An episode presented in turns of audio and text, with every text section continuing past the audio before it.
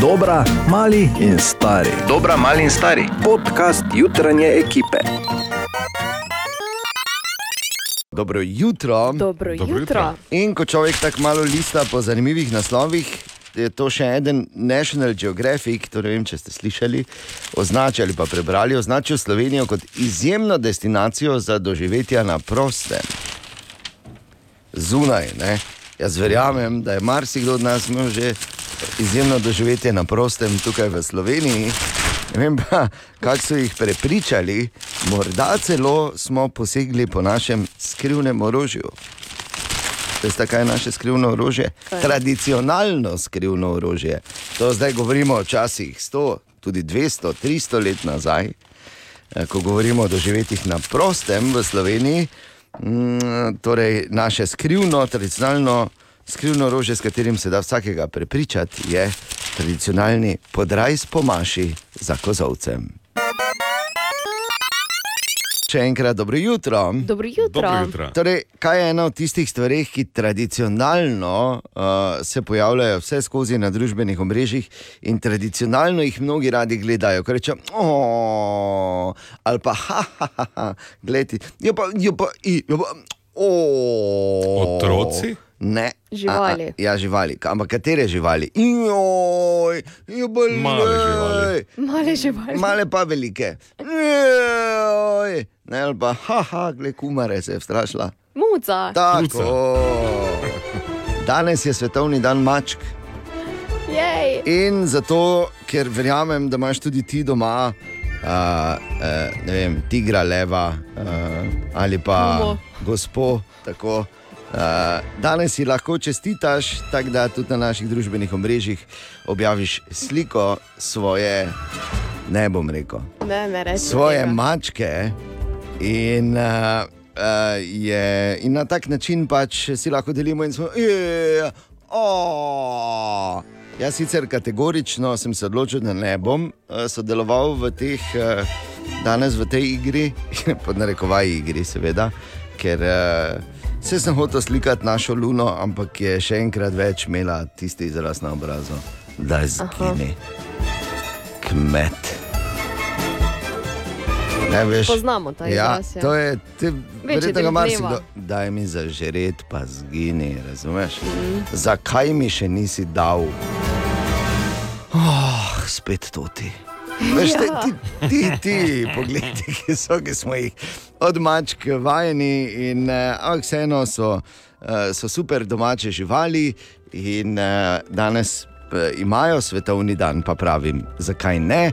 Na družbenih eh, omrežjih si pokažemo muce, mora se veš, kot- Moral si, ne? Prav moral. Ej, si. prav veš, ko te cel čas. Na levi in desni strani jezika me je srbelo. Torej, eh, in si tako čestitajmo, in poglejmo, in povemo, oh, ja, pa i. Oziroma, v primeru moje mačke, oh, da skini, prosim te. Ana Borindejan, tudi danes zjutraj želimo dobro jutro. Dobro jutro. Dobro jutro. In seveda moramo takoj vprašati Bora, kako je bilo na jezerskem z Borisom. Sta se srečala? Kaj pravi? Lepo, Lepo, ne? rekel, ne morem reči, da je prijeten človek, ampak eh, pač. Je, ne. Ni? Veš, ker ko sem videl potem še tvoje objave, ne, ko sta se slikala skupaj, ti kot bodoči župan in uh, on kot uh, britanski premijer v odhajanju, ne, Imamo mislil, dosti skupnega, ne? ker njegov stil je dosti bolj populistični. moj, Res, res, to bazira na- strinjam, strinjam se, Bor, strinjam se. Tudi njegovi nastopi so dosti bolj robati kot recimo, recimo tvoji. Ne? Pa frizuri se jih ne mara. No, to, moraš to pa sem hotel povedati ravno, ko sem gledal te, uh, te fotografije, ko sta bila skupaj v smislu, olej, frizure, ki imajo konvencijo.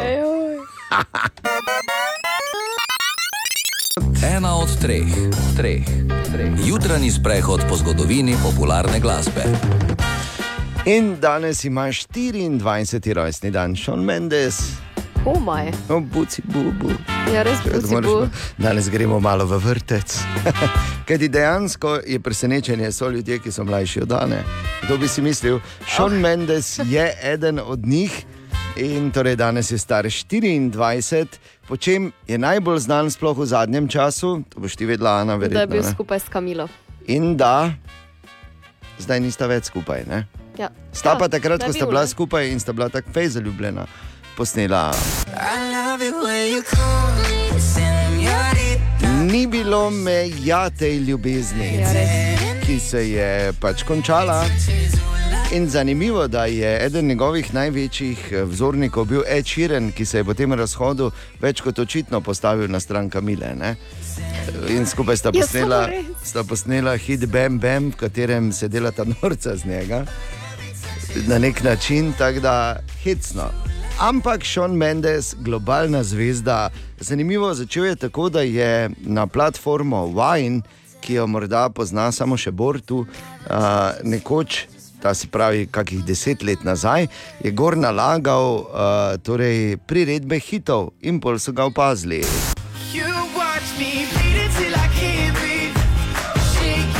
Si hitro pogledal, vajn, ne bor. Ne spomnim se. Moder Dobro, logo. ne. In zdaj še ena informacija, ki jo nujno rabiš o Šonu Mendesu, da so vraži paradajz, ampak rad ima pika polonice.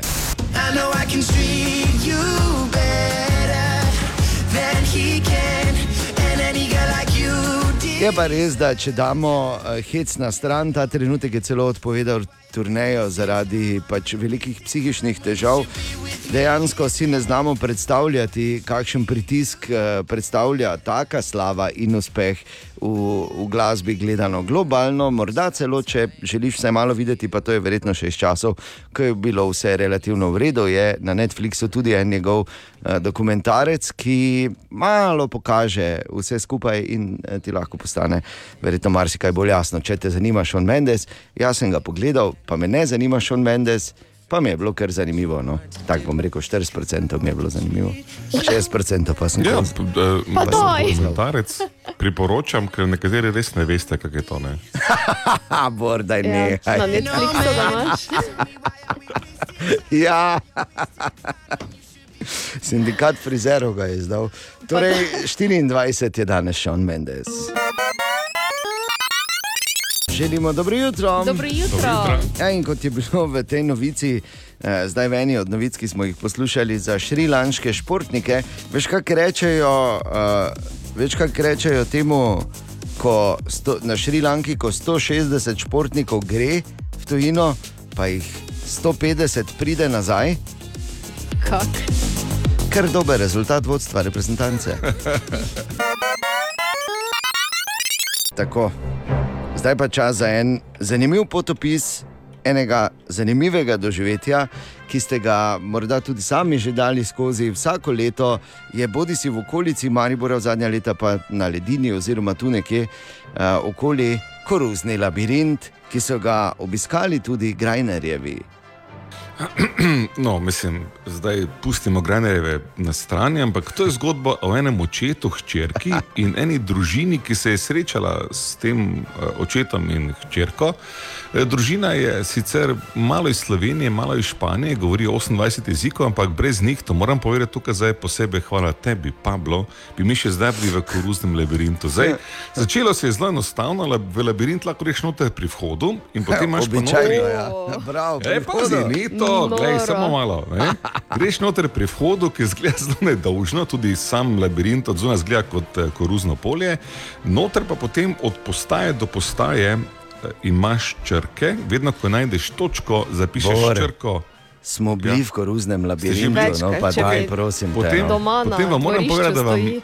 Ja, potem vam moram povedati, da vam taki posnetki kot recimo tale, verjetno niso tuji. Julija, si v labirintu? Si, si se zgubila? Ne. Veš točno, kje si? Ja. Se mi lažeš? Okay. Ja, je rekel. Celjata. Ja, glej.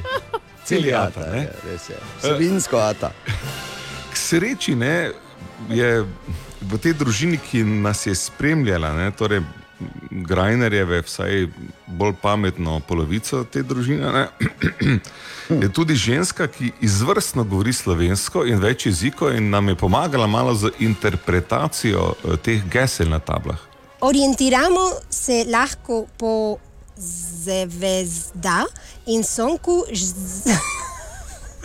Soncu, soncu s določenimi rastlinami, objedli ali z kompasom. Bravo.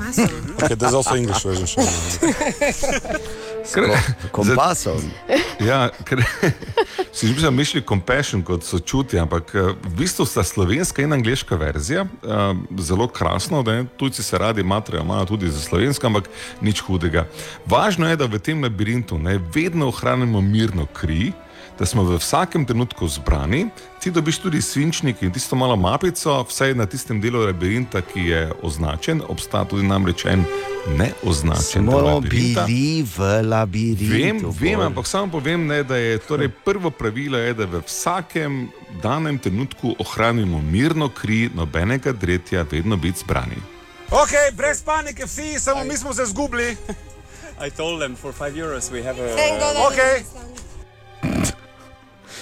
Ne, kot vidite, to je recimo tipičen primer, kako vodja skupine z eno samo potezo pomiri in Ja, ne, ful, se ja. lepo. Ne, tako da, um, v vsakem primeru mi smo iz labirinta ven prišli, zdaj ne morem ravno reči. Ne, ne morem se ravno reči, da je bilo to čisto planirano, ampak dejstvo je, da smo prišli ven in sem opravil potem taki manjšen pogo manjši pogovor, poln hvaležnosti. Za, za pa, morate razumeti, da ko sem sem prišel, sem bil srečen. Pa tudi mm. hkrati malo nemiren, ker je pač dolgo trajalo. Jaz sem absolutno pozabil, ker te deklice zunaj v huti bilo ime, tako da je lahko je Anja, lahko je tudi Arabela, mogoče pa tudi ne. ne. V vsakem primeru je, nisem si ne zapisal, niti vem, ne, samo taki megleni spomin na to, je, da smo zunaj pili vodo in bili zelo srečni. Jaz sem pa še poprašal po par uh, statistikah uh, tega labirinta. Ja, potrjujem, da ste prišli noter, poiskali vse skrite točke, kar je za poiskati, in prišli varno ven. Koliko, koliko kilometrov ima ta, ta labirint? To pa je skrivnost, saj je še en, del eh, labirinta, tudi nerazkrit del. Aha, uh, koliko uh, uh, uh, pa ljudje poprečno prebijajo časa v labirintu, noter najde vsem pride ven? Poprečno okoli uro, uro pa pol. Aha, ok, se je kdo že zgubil, da so ga po noči iskali? Ne, to pa še ni zgodilo, zdaj vsak prejme zemljevid in vsak pride ven. Bravo. B- Glavna nagrada je pa kaj, se ve? Uh, ja, glavna nagrada je letalski polet nad labirintom. Julija, si že bila v letalu? Ne. Pa bi lahko bila. Smisel, da bo rekla ja, mala. Skratka, koruzni labirint. Eh, Če se že o tem menimo, veseli smo, Bor, da ste preživeli. Mimo grede, če se pa gremo rekorde ali če kdo lahko rukne, v soboto smo mi v družini postavili rekord 3 četrt ure v letošnjem labirintu z vsemi točkami, tudi skritimi. Pa da vidimo. Ponedeljek po uh, enem od onih večnih derbijev, jih, o katerih pač nočeš razmišljati, in uh, ob mnogih tihih in neoslišanih futbalskih prošnjah, ki jih imam danes zjutraj, imam še samo eno, kaj lahko kdo prosim, prosim, vzame TikTok idiotom. Ne vem, če ste videli, ampak zadnji, zadnji challenge, ki je tako imenovani Kia Boys Challenge, v katerem se snemajo, kako kradejo avte. Ja. In sicer Kia in Hyundai je, zdaj ne vem, mislim, da je eno točno časovno obdobje, 2-5 do 2-11 ali nekaj tajega, ko niso imeli nekega dvojnega preverjanja, whatever, in jih je baje ful lahko rukniti.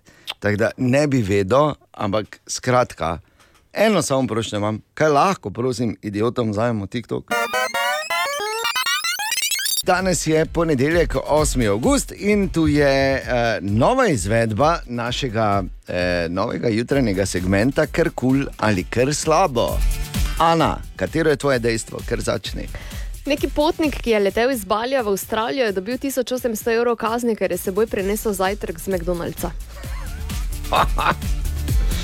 Ker slabo, ne? Pa ne kazen. No, pa dobro. Bor? Naredili so mapo Evrope in eh, na njej označili. Ne, na njej so mapo Evrope in Ja. to tako, na kateri je označeno, koliko odstotkov ljudi v posamezni državi je začutilo zelo dosti jeze skozi dan.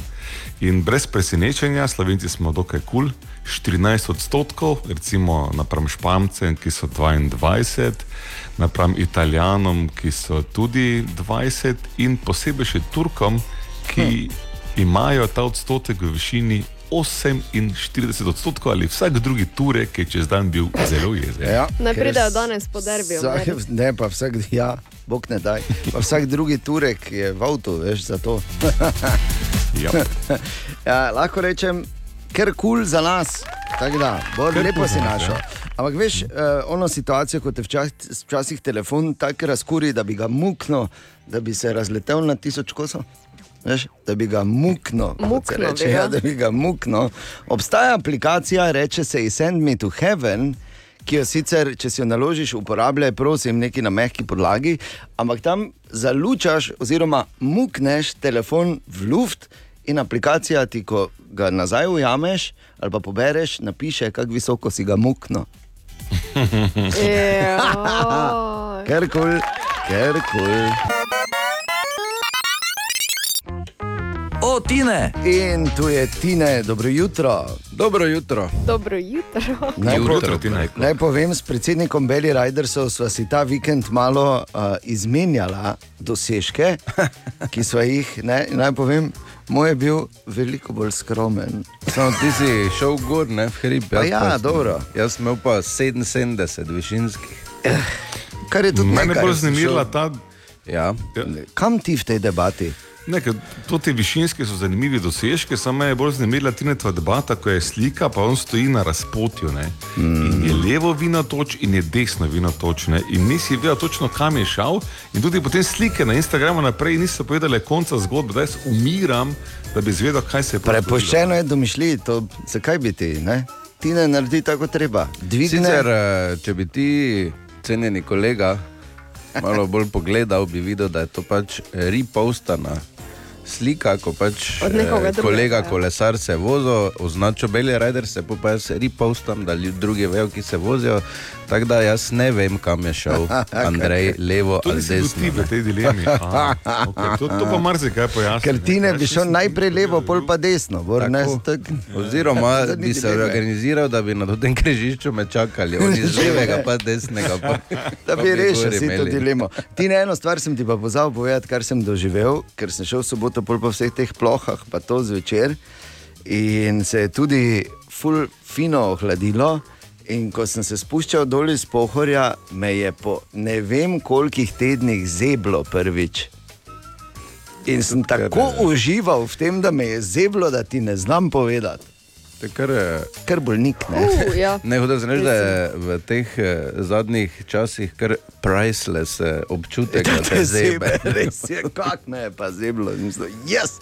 Ok, pardon, kaj ima za danes? Eh, samo na hitro imam dva opažanja še. Dve opažanji, ne? Dva opažanja, dve opažanji. Ja, povej, Ja, v redu je, fraz. gospod predsednik.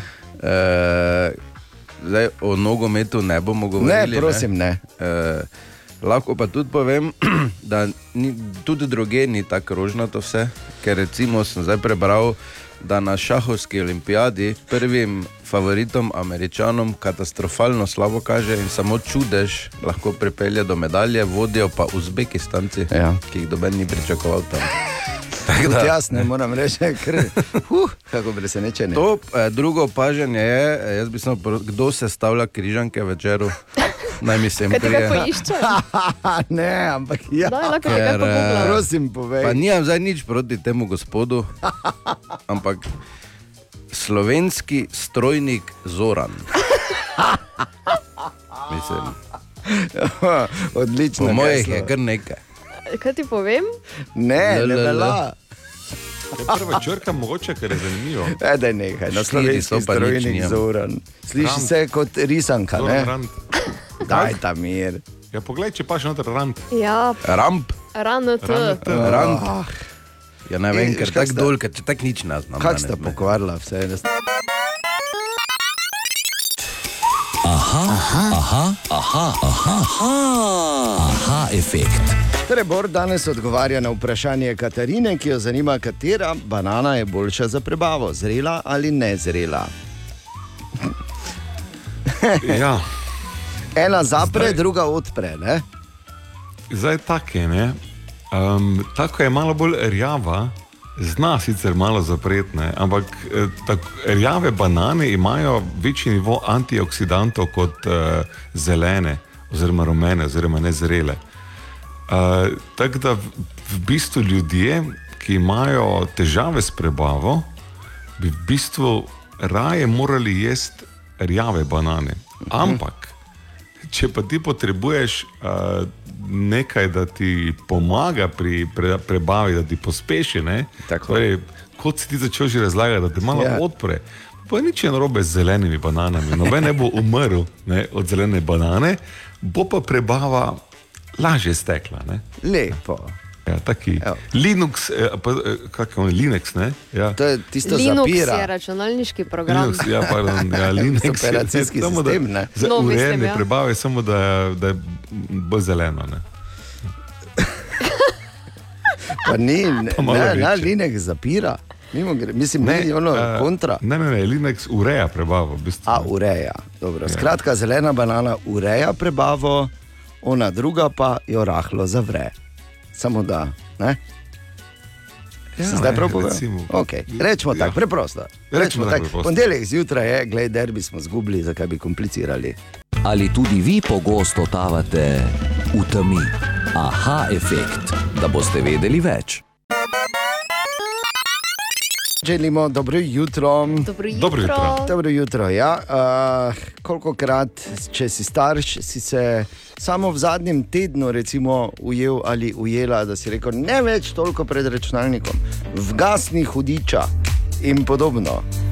Pusti Ne. telefon. Ne, v tej družini, dal sem jim kontroler v roke, pa sem rekel, gledaj, mali je za naprej in nazaj, to ti levi, ne, desni je pa za pogled. Ne. In je rekla, a ti hodim, sem rekel, začetek je. Lepo. Ampak eh, seveda je to resen problem, na katerega vse skozi opozarjajo tudi strokovnjaki. Tanja, Po opažanju strokovnjakov mladostniki veliko časa preživijo na vseh zaslonskih napravah, torej tako na telefonih, tablicah, računalnikih, tudi pred televizijo. Po podatkih centra Šteker iz Maribora so v svojem prostem času na napravah okrog 5 ur dnevno. Pri tem pa je delo za šolo izuzeto. Kako bi lahko to težavo naslovili, kaj lahko storimo, da ta čas zmanjšamo, pogovarjali smo se s psihologinjo centra Šteker Janjo Srebrnič. Tako lahko rečem, da smo porast težav eh, opazili, predvsem takrat, ko se je to korona obdobje končalo, ko so šli otroci nazaj, v šole. In takrat se je opazila težava z drugačno komunikacijo. Recimo. Zaradi tega, ker bili so navajeni komunicirati preko spleta, tukaj je komunikacija zakasnjena, imajo veliko več časa za razmislek, kaj bodo povedali, na kak način se bodo odzvali. Medtem ko eh, pri komunikaciji v živo pride do tega, da pri sogovorniku vidijo ene obrazne izraze, vidijo mimiko, potem slišijo recimo tonaliteto glasu in so se primorani v bistvu tako odzvati, nimajo tistega nekega časa za premislek. Tudi pri učiteljih smo v bistvu zvedeli, eh, da so težje ponovno vzpostavili stik s sošolci, da se je tista razredna dinamika, ki so jo imeli, eh, potem nekako razbila, se na novo vzpostavljala. In uh, potem najpogosteje so se na nas obračali starši ravno v tem obdobju. V bistvu. Otrokom v primeru prevelike uporabe zaslonov običajno pade učni uspeh, upade zanimanje za kakršno koli drugo aktivnost ali dejavnost, druženje s prijatelji v živo jim je odveč. Ko se to zgodi, je običajno že pozno, pa vendar je potrebno ukrepati. Jaz bi res apelirala na starše, da če zaznajo težave, da se mogoče ali se sami informirajo, lahko se obrnejo na nas. V primeru namreč, da zaznamo težave zgodaj, je v bistvu tudi obravnava potem krajša in veliko bolj uspešna. Ker v današnjem času brez tehnologije skoraj da težko preživimo, ker je tehnologija že v tolikšni meri upeta v izobraževalni proces in ker si verjetno brez telefona, računalnika in televizije ne znamo predstavljati sodobnega načina življenja, je zato še toliko bolj pomembno, da začnemo z osveščanjem otrok dovolj zgodaj. Torej, da se zavedajo mej, da bodo znali reči ne telefonu, ga odložiti takrat, ko je potrebno in da seveda zaradi pretirane rabe zaslonske tehnologije ne bo trpelo njihovo družabno življenje. Kaj pa menite vi? Imamo tudi odrasli težave s prekomerno rabo zaslonske tehnologije. Znamo odložiti telefon, ko ga je treba in se odklopiti? Hm? Jaz bi rekel, da ja, govorim zase. v Borovem primeru težko. Ana pa tudi skozi not gledane. Tako da, Ja, če ne moreš drugače, ne, če je služba. Ja, zdaj trenutno je res. Ne? Dobro, delo je izvzeto, ampak je pa, ne. je pa res uh, kar katastrofalno, ko začneš o tem razmišljati. Ampak, če si zatiskaš oči in gledaš stran, ne pomeni, da problem zgine. Zato je seveda pomembno, da vsake toliko opozorimo na to, da lahko malo razmišljamo in da so institucije, ki nam lahko pomagamo, je, ki nam lahko pomagajo, kot je recimo že omenjeni šteker. Še enkrat dobro jutro. Dobro jutro. Dobrodošli. Naj samo povem, danes je že 8. august, še malo pa se bo začel vrhunec cvetenja ambrozije. Tako da alergiki ali pa tisti potencijalni alergiki, mislim, vsi kihamo, bolj ali manj po tej ambroziji. In naj samo rečem, kot so znali že stari dedje tukaj pri nas v Mariboru reči, fuj svija. To poletje se mi zdi, da je, pa zdaj mogoče je bila kriva korona v zadnjih dveh letih in vsi ti lockdowni, ampak se mi zdi, da je ekstremno veliko turistov v našem mestu, v Mariboru ali sta Ana in Bodo. Samo res, samo res. Ne? Mislim, kam prideš, nekdo stoji pa ta gleda, gor pa okoli, pa malo v telefon, pa okoli, govori v nekem jeziku, ki ti je morda uh, oddalec znan. Skratka, turisti so tukaj, super. In zato uh, je šel David v eno akcijo in sicer najdi turista in ga vprašaj. Dobro, ime, na imenu oh. bi še lahko delali te akcije, mogoče. Ja. Ampak eh, razumete bistvo, David. Tako, in prvi, ki sem ga ustavil, je bil Dominik iz Kila, ravno je z družino prispel v Maribor, ko sem ga zmotil v bližini Vinaga. Uh, well, we are on vacation for, in Slovenia for two weeks, and we're driving around the whole country. So we decided to stay in the bigger cities for a few days, and we actually didn't have a real plan what to do here. So we just went to the tourist information and um, I took a plan and just looked what we can do. And yeah, we will see what will, what will happen. We're here for two hours right now, so we didn't do that much. Are there any sites you want to see that you know already? Yeah, there's like a mountain here. In Germany, it's called Hausberg. I don't know how it's called in, in Slovenian. Hausberg. And some other stuff, but I don't know how to how it's called in, in English. Torej, povedal je, dva tedna se že vozijo po Sloveniji, niso imeli nekih točnih načrtov, ravno v tistem trenutku pa so se odpravljali do turistično-informacijskega centra, da najdejo zanimivosti v našem mestu. V mislih so imeli še en pohod na Pohorje, so pa še nekam šli, ampak ni poznal angliškega izraza za to. Geboru, verjetno ne. Ja. Tako se več gre, vse poti vodijo tja. Ja, no, fajn, malo bomo te dni hodili okoli po mestu in, in lovili turiste v naši novi rubriki Najdi turista in naj ti kaj pove. Veš, to se že boljše sliši. Še malo pa bomo imeli ime. Jo. Kralj te debate, mislim, rubrike Kje bom si. Leopold, te je strah, kak jaz repam, jo. Jo, jo, jo. Pa če mi je spet neka brezvezna rima ratala, no, odhod, zakaj? Talent imaš. Ja, fulja. To in tu je naš priljubljen jutranji segment iz Borove špajze. Ja, Bor. par modrosti, ki prihaja, se zdaj zdi, kot da je povezano z nogometom. Sam jaz bi pa povedal, da življenje je širše od nogometa in da jaz, čeprav sem izjemen strokovnjak za nogomet, si ne jemljem te pravice, da bi analiziral katerikoli položaj. Ampak razmislek, ki ga imam, je, ne, kaj človek naredi, ko mu ne rata. Ker pač ne rata. Vedno, vedno. Ja. Ne rata vedno. Imam- Vsaki ne rata, ne, tako je pač. Ja, šest ključnih alinej, ne, kaj narediti, ko ne rata. Točka ena. Analiziraj položaj, poglej, kaj je šlo na robe. Logično. Ne? Dva, odpusti si, to delamo premalo krat, da se malo lupčkaš ne? in si rečeš, čuj, ne, glej, zgodilo se ti je stari, nič hudega. Ker napake so sestavni del vsakega uspeha. Točka tri, poglej, če se da z tega kaj naučiti, to je vedno smiselno. Ne?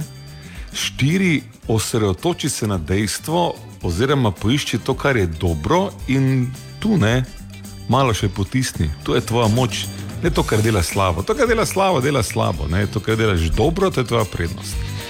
Točka pet na tem seznamu je vse to poženi skozi ljudi, ki jim zaupaš, včasih vzami tudi ramo. Nič sramotnega ni v tem, da dejan meni ramo nastavi, pa Ja. ja. zgodno glavico, pa reče mi, hvala. Kar ti." se ne zgodi. Ne, To sem rabo v življenju, to se pogosto dogaja. ne Ti to se absolutno ne dogaja. Kar je zanimivo. Ja. In točka šest na tem seznamu, kaj narediti, ko ne gre v redu, idi naprej, ker ni končano, dokler prvenstvo ni končano. Jap, samo bi rekel, bor pa kakšne lepe misli. Pa. Bolano, dobro. Neverjetno, res je, ja, kot da bi leta izkušen. Veš, to so tako lepe misli, da mislim, da bi si upal reči, pa nočem, mislim, za nekaj, ne, skoraj lahko kandidiral, mislim, take modrosti. Puh, lepo. Želimo dobro jutro. Dobro jutro. Dobro jutro. Ja, pozdravljeni. In naj vam predlagam eno fino igrico za ICE zgodaj zjutraj v službi. Daj. Okay. Je, to je ta vajno pričakovanje, je res neverjetno. Za tako zgodaj zjutraj, razen bor je Oprosti. hlad. Daj, daj, daj, daj, daj, daj, daj, daj, daj, daj. Pardon. pardon. Okay, pazi, to je igra, v kateri potrebuješ svoj telefon. Ne? Tako da Aha. imamo vsi telefone pri sebi. Ja. Jo. Imamo vsi telefone pri sebi. In tako tudi začneš igro. ne. Tak, ko pridete v pisarno, rečeš tako, zdaj pa naj vzame vsak svoj telefon. Imate vsak svoj telefon, Imamo. imamo, imamo, imamo uh, torej aktiviran ekran, Imamo. imamo aktiviran ekran, tako. In zdaj sledi bistvo te igre, oziroma vprašanje. Zdaj pa si predstavljaj, da. Kaj? Samo. Daj, no. Okay. Zdaj pa si predstavljaj, da se divje ljubiš z osebo, ki je stara toliko, kot imaš ti procentov baterije. Ne. O, čudovito. Koliko bo? 28. Pa kaj si nor? Vidiš, jaz, jaz sva čisti nekrofil, kot vedno imam stoletnico danes zjutraj, Tijana. Jaz sem samo malo boljša kot ti, Ja. 94. 94, uh, ti imaš mlado. Pa kaj?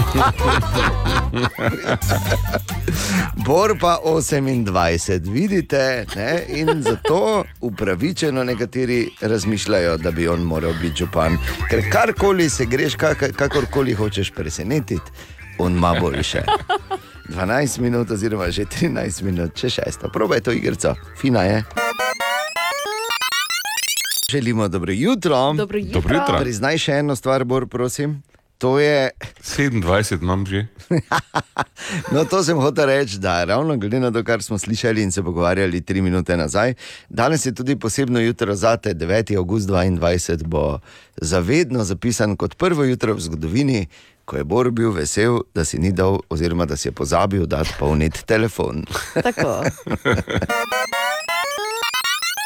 Dobro jutro. Dobro jutro. No, pa preverimo, kaj se kaj piše, kaj, katere so tiste novice, recimo, bomo rekli tako, ki ne bodo prišle k nam not zdaj ob pol sedmih.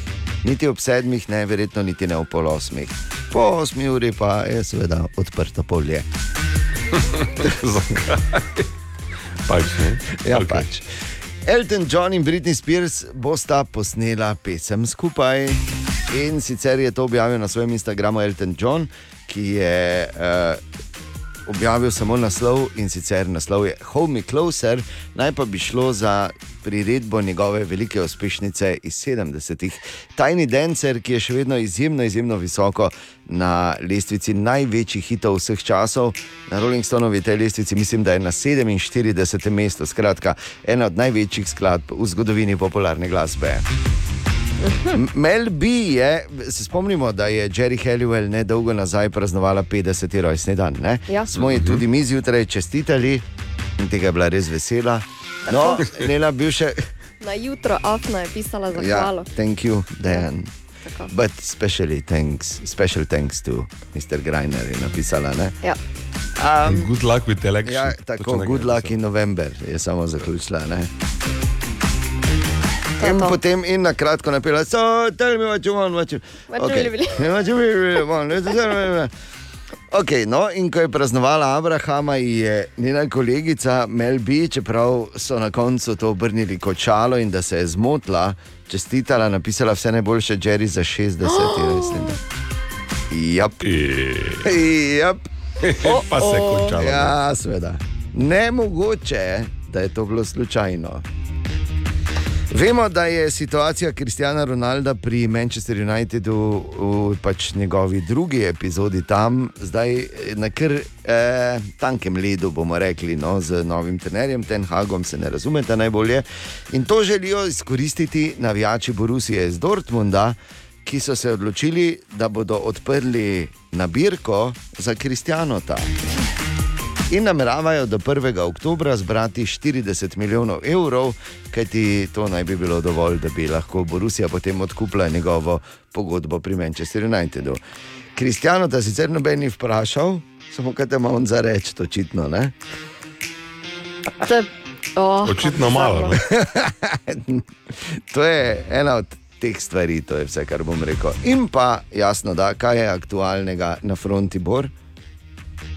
Pa v redu je, ne. Vse je Zdaj redu. počasi uh, zbiramo podpise. Ne. Lepo, lepo, Te počasi preliminarne znotraj um, ožjega eh, dela Tima, uh, tima. Ja, tak, ampak Ne, jaz mislim, da kar je, kar je za, za ljudi, recimo iz tvojega življenja, zanimivo. Ne tako dosti. Ah, ok, vidiš, uh, ostaja skrivnosten. Kot v odgovorih na vprašanja povezana z novembrom. Pustimo primeru. Pet minut pred pol sedmo. Webcheck. Ena od treh, treh, treh. Jutranji sprehod po zgodovini popularne glasbe. Ja, in danes žal moramo uh, pač nekoliko spremeniti načrt, kot smo ga imeli, kajti še ena legenda je zapustila ta svet in šla špilat, oziroma prepevati, bolje povedano, v tisti veliki bend tja gor. Namreč Olivia Newton-John, legendarna avstralska igralka in pevka, je stara 73 let, torej uh, zapustila to stranstvo. In za sabo pustila tudi izjemno, izjemno globok pečat, eh, tako v glasbeni, kot v filmski zgodovini, seveda eh, kot meteor je udarila z svojo legendarno vlogo Sandy v eh, muziklu.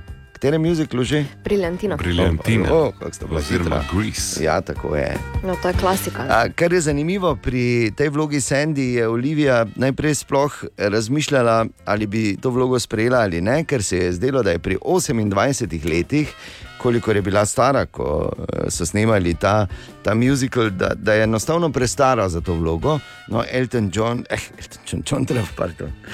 Prej sem Eltonu Johnu nekaj razlagal. John Travolta jo je jasno da prepričal. In to z besedami, da na svetu, pravzaprav v celem vesolju, ni bilo primernejše, da bi igrala Sandy kot je ona. In danes, res, ja. ko je seveda, ja, se, ker ne vemo, kako bi bilo, če bi jo igrala druga. Ne? Zdaj pa če Ja, je tako. Ja, res je. Ja. Ja, no, mene še ni bilo takrat, bor to moraš ti povedati. Ja, povem ti. Okay. Drugače pa je eh, John Travolta objavil tudi čustveno slovo od eh, Olivije, s katero sta bila potem vso življenje dobra prijatelja. In eh, povedal je, da je delala ljudi okoli sebe enostavno boljše in se podpisal za vedno tvoj Deni.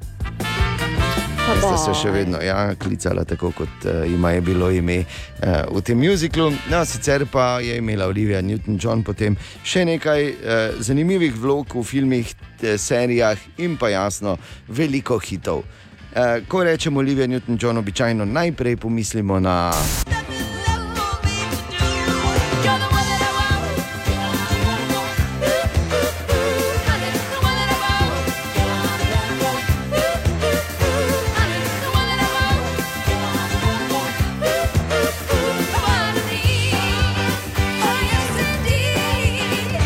Ampak imela je res uh, še veliko uspešnic, ki so osvajale vrhove ali se uvrščale na vrhove lestvic, kot je bil recimo hit Xanadu.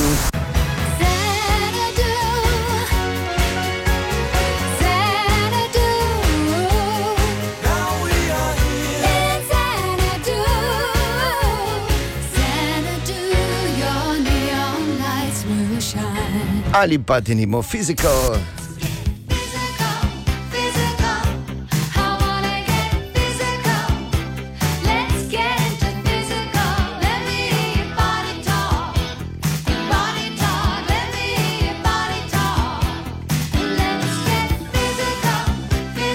In pa seveda Hopelessly Devoted to You. Olivia Newton-John, hvala lepa za vse. Torej, še enkrat dobro jutro. Dobro jutro. Ja, pozdravljeni.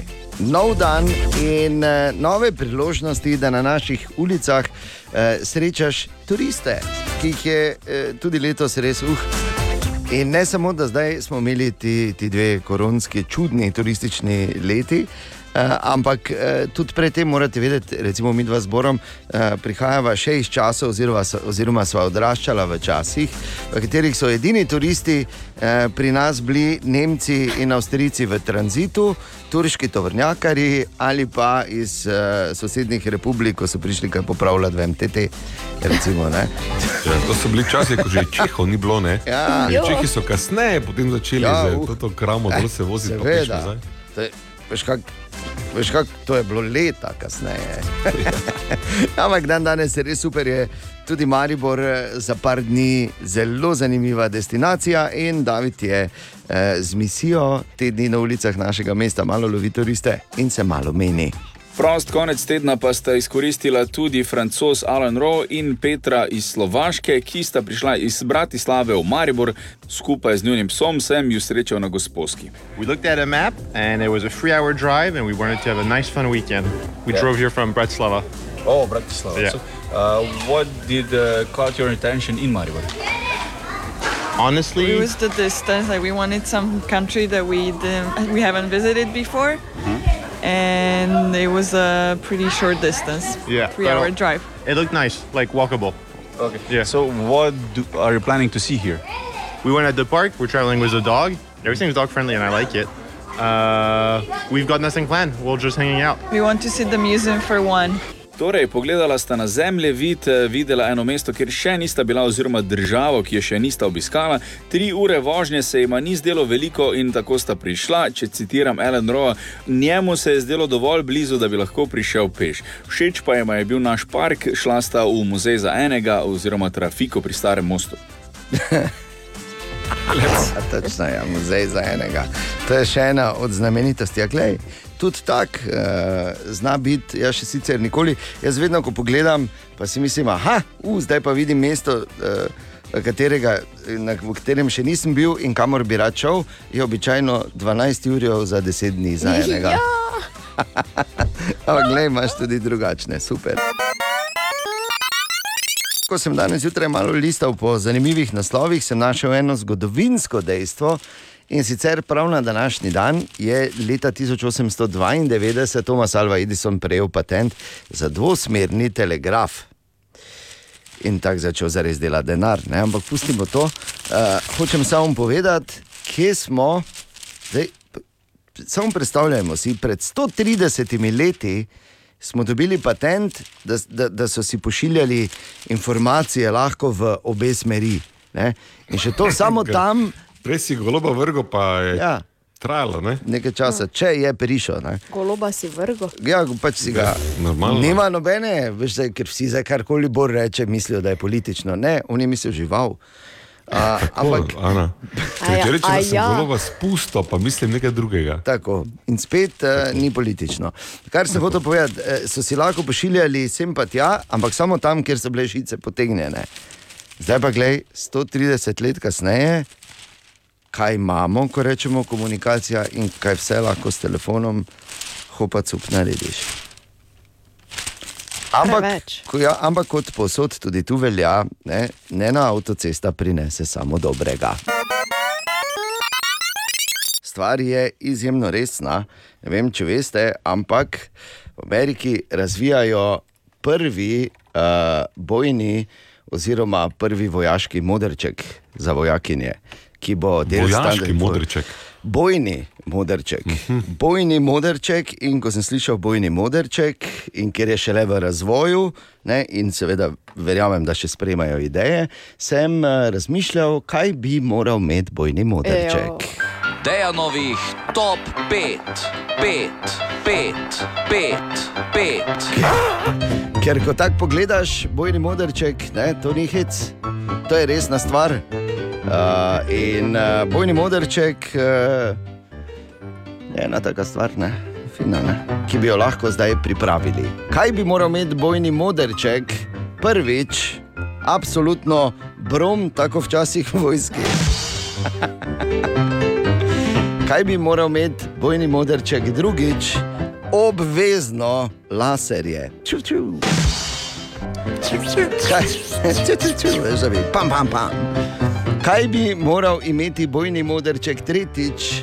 Ključavnico. Kaj bi, mo kaj bi moral imeti bojni moderček četrtič? Za vsak primer bi moralo biti gor napisano LPD. ja, ker baške stvari ima. tako, tako. In pa kaj bi moral imeti boj, boj, kaj bi moral imeti bojni moderček petič, mislim, to pa je menda jasno, ne? okus po jagodah. hvala, hvala. O, Tine! Ja, Tine, dobro jutro. Ja, dobro jutro. Dobro Ja, jutro. jutro. Ljudje. O, Brenner, kaj te? Ja. Kdaj, Okay, kak je zdaj zježi? Bor ne ide spat, ko Slabo bi mogel kaže. iti. Ko ga pogledaš, ne? Čakaj, Seži že pa ti je ne vprašanje. Tine, sest se moramo, ker ježi so bili na zemlji 60 milijonov let, torej so najstarejši sesalci, ki še živijo. Ja. Ob meni. Med glavne razloge pa je uničevanje njihovih naravnih habitatov, urbanizacija, uporaba insekticidov in tako dalje.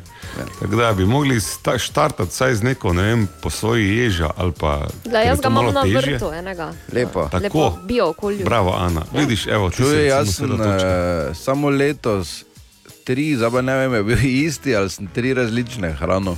Res? Ja, to ne da, jaz bi rekel, da je en bil. Ja, ampak za tiste, ki pa jim je to prenevarno, ne, pa vsaj da bi se enkrat na dan recitirala Ježova mati. Ne. To je recimo ne vem, nekaj, kar bi pa moj jež. Samo to je drugi pomen, je, ne? Ja, Če... Ali je govori o ježih? Ja, govori. Ja. Govori o ježih. Ježova mati.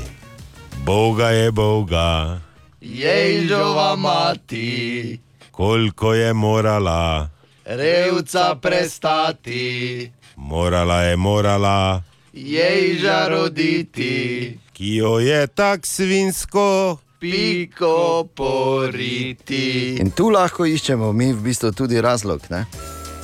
So se, Zakaj so jezi? Zakaj nočejo več rojevati? Kaj pa Pa pika? tajno. Ok, ne, torej res upam, da se bo jej še rešil. Zdaj me je tako, eh, zdaj imam neko zanimivost, ko je tako, veš, ko z lune pade dol. Dobro, da se to o ježi govori, zdaj pa jaz prijem noč z neko... To smo vajeni, ne, na splošno pri nas. Ker recimo leta 1714 ne, ja. sta norveški in angliški kapitan bila 14-urno bitko z ladjami. Ja. Potem, ko sta bile obe ladji že hudo fejst bogi, je Norvežanu celo zmanjkalo municije, pa je poslal enega z čovnom. K Angležem pa prosil, če bi mu malo municije dali. Da bi se lahko dalje. Pa je Anglež rekel, ne.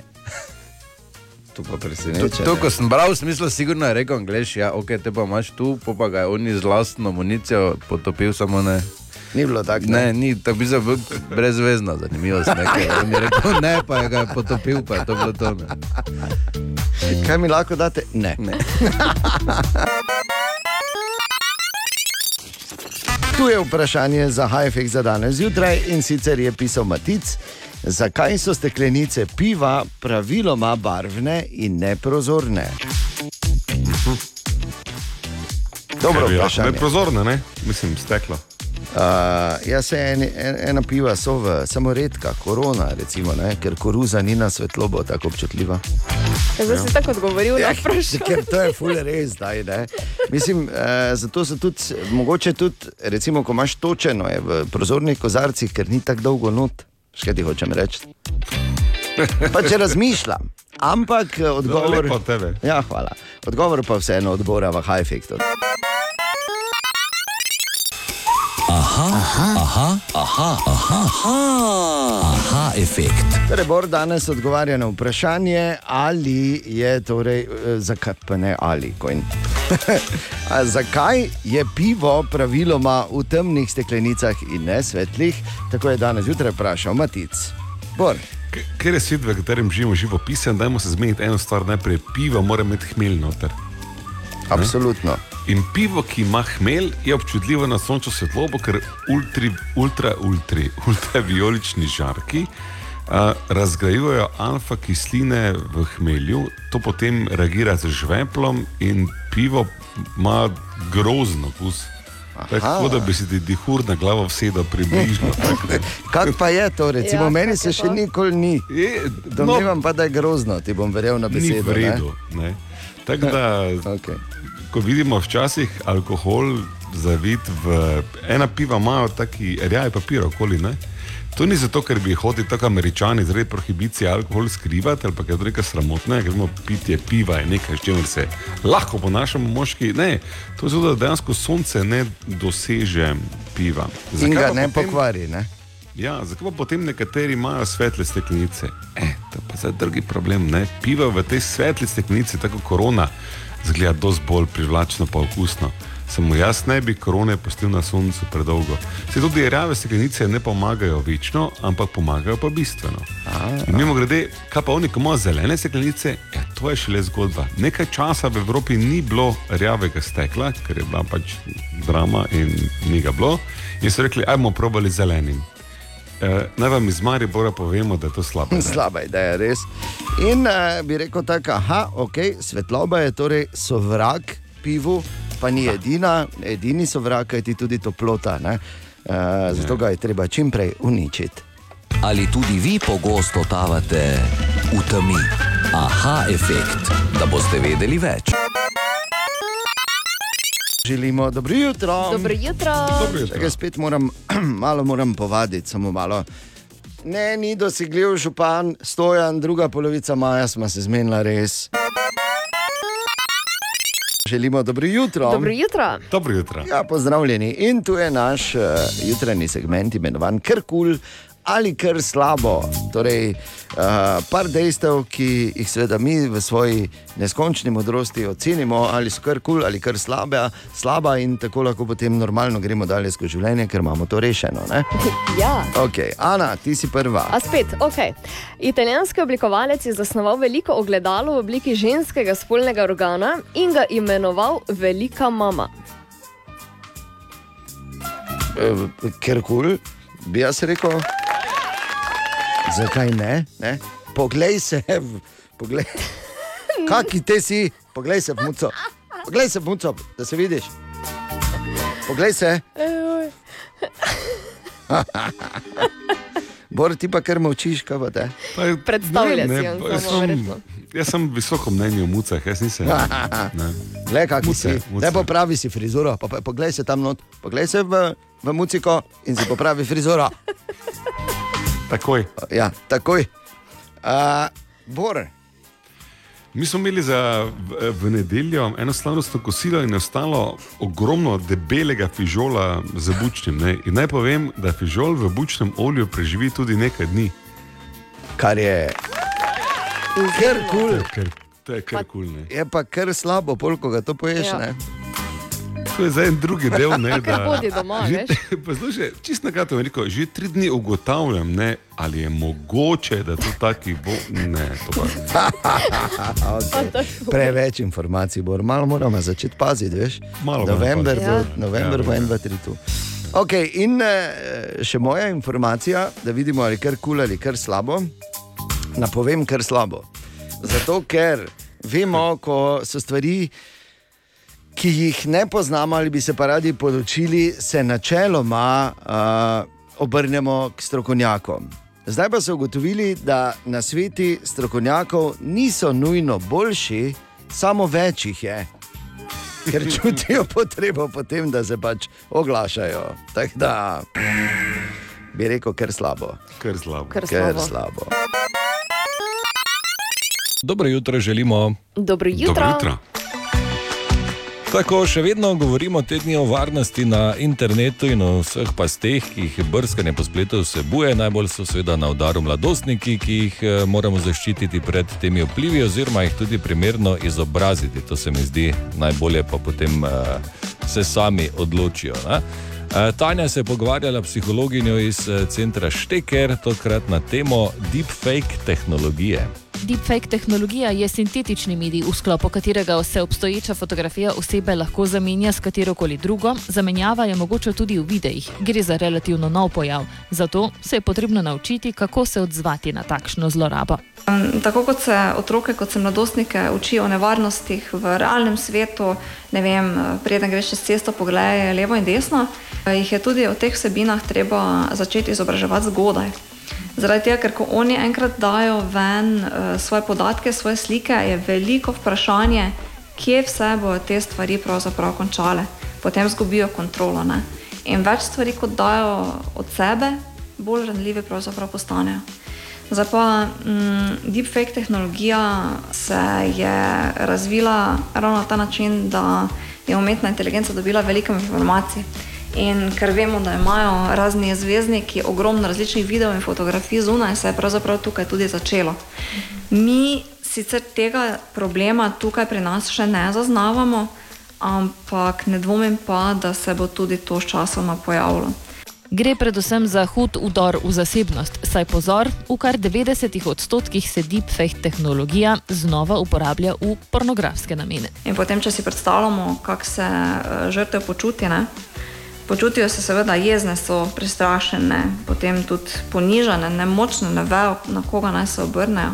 In potem tukaj sledi tudi ena globoka žalost, zaradi tega, ker prepoznavanje deepfake tehnologije in pa konec koncev tudi potem ustvarjanje zakonov na tej podlagi vedno caplja zadaj. In te težave je potem res težko reševati. Zdravilo za to je zagotovo držati korak s časom, saj je znanje, ki smo se ga v spletni varnosti naučili par let nazaj, zdaj že zastarilo. Srkonjaki menijo, da je uporabnike potrebno naučiti medijske pismenosti, delati pa tudi na kritičnem razmišljanju in, kot že rečeno, izobraževati tako mlade kot starejše, predvsem, da ni vse to, kar vidimo in preberemo na spletu, vedno res.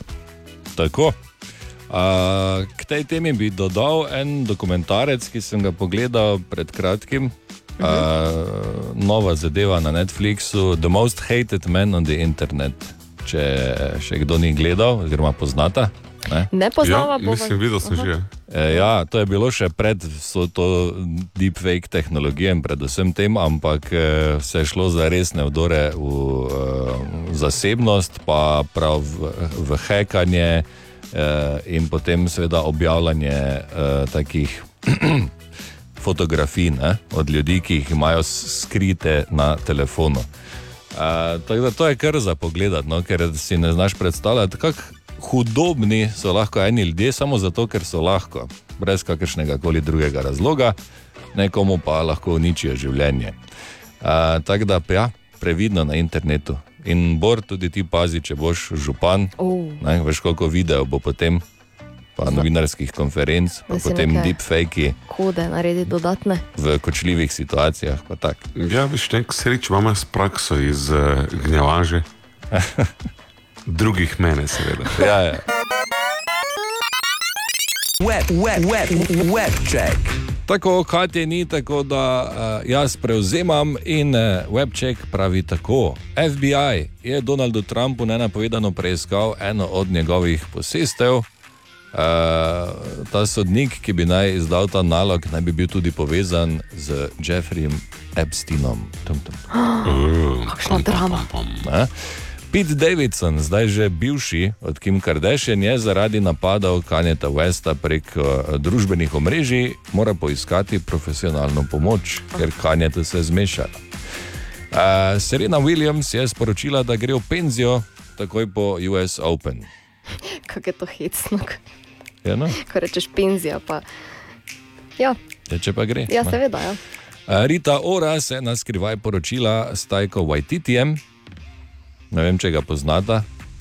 Novozelandski režiser, scenarist, uh, uh, tudi igralec. Jaz sem ga prvič spoznal v filmu iz leta 2014, What We Do in the Shadows, ki je bil taki um, parodični dokumentarec o vampirjih.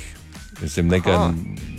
Taka bedarija, ampak je bilo smešno. No, tako da priporočam, drugače pa je. Odličen film za pogled, mimo grede. Ja. In uh, potem je kar prišel ven, no, zdaj tudi na zadnje je recimo, um, sodeloval pri Toru, ta Love and Thunder, letošnji film. Uh, Penelope Cruz je pritegnila pozornost v Modeni na snemanju Ferrarija. Zelo Aha, blizu je, tako pri da če bi jo ja, če kdo. želel uh, pač, ne, pogledati, naj gre v Italijo. Na Floridi pa je nagi ropar z mačeto želel moškemu ukrasti oblačila. Zdaj vem, da tam tisti osebi ni bilo smešno, ne, ampak jaz sem se najprej spomnil na Terminatorja, pač, ko pride Arnold Nagi do onih, pa da rabi uh, oblačila, pa motor. Ne. No, pač malo, malo, malo drugačen Terminator. No. Uh, skratka, to je to za webček danes 26. Dobro jutro želimo. Dobro jutro. Webček. Mene so kontaktirali švedi iz firme. Fräs och markteknik i Norrland aktiebolag. Dobro jutro. Kaj te to je bilo zdaj? Včeraj nič hudega sluteč, eh, dobim uh, mail, ne? Elektronsko okay. pošto in uh, pač je bilo vse v švedščini. Ne? In sem najprej mislil, da ja, je v redu, pač ta spam, bla bla bla. Ampak potem sem videl, da pač zgleda zelo podobno, kot imamo mi maile, ko se pač pogovarjaš z nekom in Aha, ti non-stop kaže, ne mailov. pogovor. Pač, ne? In uh, ni bilo jasno, kako, zakaj. Dobil sem mail od Mikaela. Ne? Uh, in potem sem ugotovil, ko sem dal v Google Translate, najprej sem ugotovil, da fres v švedščini pomeni mlin. Tako da uh, ta firma Fräs och markteknik i Norrland aktiebolag. je eh, firma, uh, pač DOO je na švedskem, tam na severu, bolj v Norlandu, uh, in ima tehnologijo reskanja in brušenja. Ne? In uh, bil je to pogovor med dvema osebama, med Ano in Mikaelom, torej Mikael je meni posredoval vse skupaj. Ana je prosila Mikaela, če lahko za to podjetje Fräs och markteknik i Norrland aktiebolag. spremenijo e-mail naslov. Ne? In eh, Mikael je odgovoril, da podjetje že ima nek e-račun in potrebne nastavi- nastavitve, in da naj Ana preveri, če to velja. In potem je torej Mikael ta pogovor forwardiral meni. Zakaj? Nikoli ne bomo vedeli. No, Nikoli. mislim, Marko, ne dele se norega, če kaj vemo za tebe, je, da si stari švet. Ne? Ne. Pa ne more biti stari šved, če je nekako temno. Če je Ana, tako krt. Ana, zamaskirani so, gled za to. Marko, kaj je huvu drol? Kak je rol? No, vidite. Dobro jutro. Dobro jutro. Dobro jutro. Gremo. Čaga se obeta, eh, ne danes, ampak eh, v petek eh, ob 60. obletnici glasbenega delovanja smo govorili z Alfijem Nipičem, veš kaj je to 60 let. Oh, ja, no, ampak Ja. Alf je legenda, Alf je Ja. res samajden. Ja, in uh, Alfi, povejte, kako boste obeležili to obletnico? Jaz sem to načrtoval že dolgo, ker sem se hotel odolžiti, da po šestih desetletjih se nekako odolžim vsem tistim štajercem, ki so me spremljali ta desetletja. Ne? E, in zato sem se odločil, da bom imel pač doma prvi koncert, potem bom pa se pa selil po Sloveniji. Vesel sem, da je potem to občina potrdila in da bo sedaj 12. to je v petek, ob 20 uri se nekako pričenja. E, jaz vem, da bo lušno, da bo lahko rečem ta noč v Jerenini, kar do zgodnjih jutranjih ur. E, prepeval bom to, kar prepevam že 60 let, slovensko zabavno in pa narodno zabavno glasbo. Povabil sem nekaj prijateljev, tako da bo kar pester program, tako da bo lušno plesati na in zabavno in narodno zabavno glasbo. In to lahko rečem je praznik za me tu na Štajerskem, z ozirom na to, da se potem selim po celi Sloveniji. Krasno. v Jarenini, torej najprej. In uh, sicer pa uh, tam blizu Alfi imate tudi svoj muzej, kje točno si ga lahko ogledamo. Začel sem ga nekako tako, kot bi ga lahko začel v tem korona času, v mesecu decembru lani, ampak žal sem bil na intenzivni negi v Mariboru, nisem se mogel udeležiti otvoritve te muzejske razstave, ki je bila v, v Muzeju narodne osvoboditve v Mariboru, tu pri parku. Bila je kar zaradi, verjetno tu zaradi moje bolezni, so podaljšali kar štiri mesece. Potem se mislim seliti v Koper, v Ljubljano, v Novo mesto in pa na Koroško, tako da bom nekako prekrižal, križem, kražem po Sloveniji in seveda ob vsaki otvoritvi eh, te razstave bo tudi en urni koncert. Krasno, ok. Uh, ampak muzej seveda ni vse, Alfi izdate tudi svojo biografijo, kdaj jo lahko pričakujemo. V mesecu septembru, oktobru bo pa išla moja biografija, v kateri rad vedno povdarim, da je 320 slik, ker vsako stvar, kot vedno pravim, rad argumentiram. Če nekaj govorim, da rad tudi pokažem sliki, ker slika praktično pove vse. In to bo zelo bogato opremljena biografija, kot sem že dejal, bo pa tu verjetno konec septembra, začetku eh, oktobra. Lepo, ne? torej 60. obletnica delovanja, super koncert, muzej, eh, biografija, vse bo. Eh, Koncert torej ta petek v Jarenini v gostišču eh, Lipa, ne Alfi. Z ozirom na to, da smo pred tem koncertom, ki bo v Jerenini, srčno vabim vse Štajerce, seveda in tudi iz sosednje Avstrije, se je kar veliko ljudi oglasilo in prihajajo tudi naši sosedje, ker jaz sem le bil na nemško govorečem področju 20 let za Avseniki. Vabim v petek 12. v Jarenino ob 20. uri se bo pričel ta eh, eh, večer in eh, bomo videli, kako bo, bo kdo zdržal. Pravi do konca. Ne? Ja, jaz, če pridem, bom ob eh, 23.12 spal že. Tak, Ne vem, če boš ob Alfiju, veš, a lahko. mislim, ne mislim eh, tako slabo, no, za sebe govorim, da včasih me kar pobere na hitro. Ja, ja. Večer. Uh, in seveda še eno zelo aktualno in zelo pomembno vprašanje, Alfi, kaj se bo zgodilo, če bo Bor župan? Bor, če boš ti župan, grem jaz za župnika. Lepo te pozdravlja, Alfi. Hvala, Alfi, zmenjeno.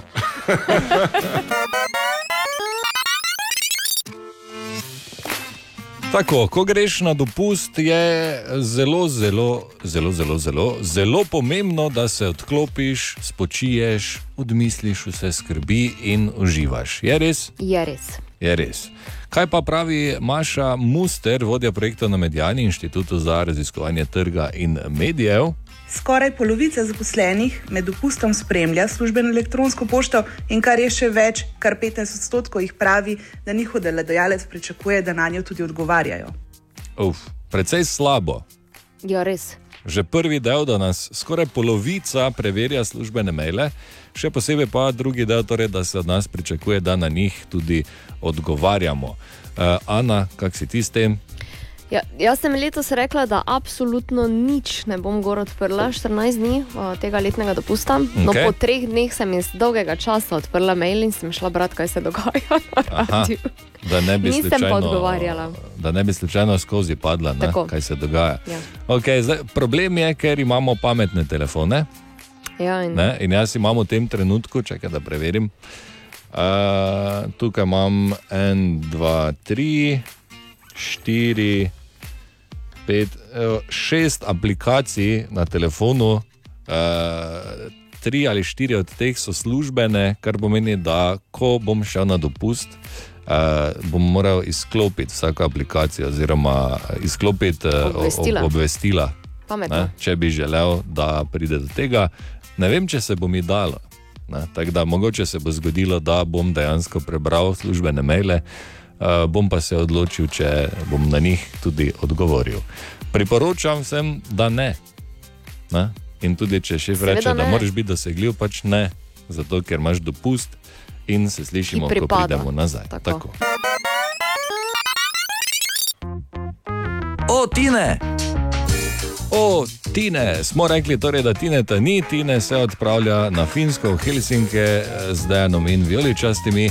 Uh, tako da Tina je že zdavnaj pooblastil mene, da lahko prevzamem rubriko in dodam še živalsko zanimivost, tako da v bistvu uh, dva v ena, ne? Mhm. paket. Gremo najprej eno malo mestece v Minnesoti, imenovano Dorset. Vsako leto izbira svojega župana, tako da iz kape potegnejo listek. Po žrebu. torej. In, eh, žrebal, Bor, kaj? kar pa, kaj praviš na to? Ja. Pa to bi bilo za nas nekaj res. In uh, eden od bolj znanih županov je bil leta 2015 James Tufts, ki je bil star tri leta in si je prizadeval za to, da bi bili vsi prijazni, in eh, prepovedal je debatiranje o kakcih. Ne? Zelo Lepo. Mislim, Glej, mislim, Eh. fair, ne? Čisto, iskreno, pošteno. Kvalitetni župan bi rekli po naših standardih. Zelo, zelo. Okay, in še živalska zanimivost: podgane so edine živali, poleg primatov, ki so žgečljive. Mhm. Mhm. Ne, ne ta slika v glavi. Znanstveniki so ugotovili, da jim je to tudi fajn in se lahko podgane smejijo. Res. Ampak, da so slišali podganje zvoke veselja, so jih morali posneti s posebnim mikrofonom, ker namreč podgane ob žgečkanju oddajajo zelo visoke zvoke, visoke piske, ki jih mi ne moremo normalno slišati. Mhm. In če bi rada kdaj to preizkusila, torej požgečkala podgano, jo morata požgečkati po trebuščku. Pa mikrofon, ti tako imaš vedno mikrofon zraven, uh, Bor. Borja pa res. Tako da lahko posnameš To pod z nami gano. pa bomo zvišali.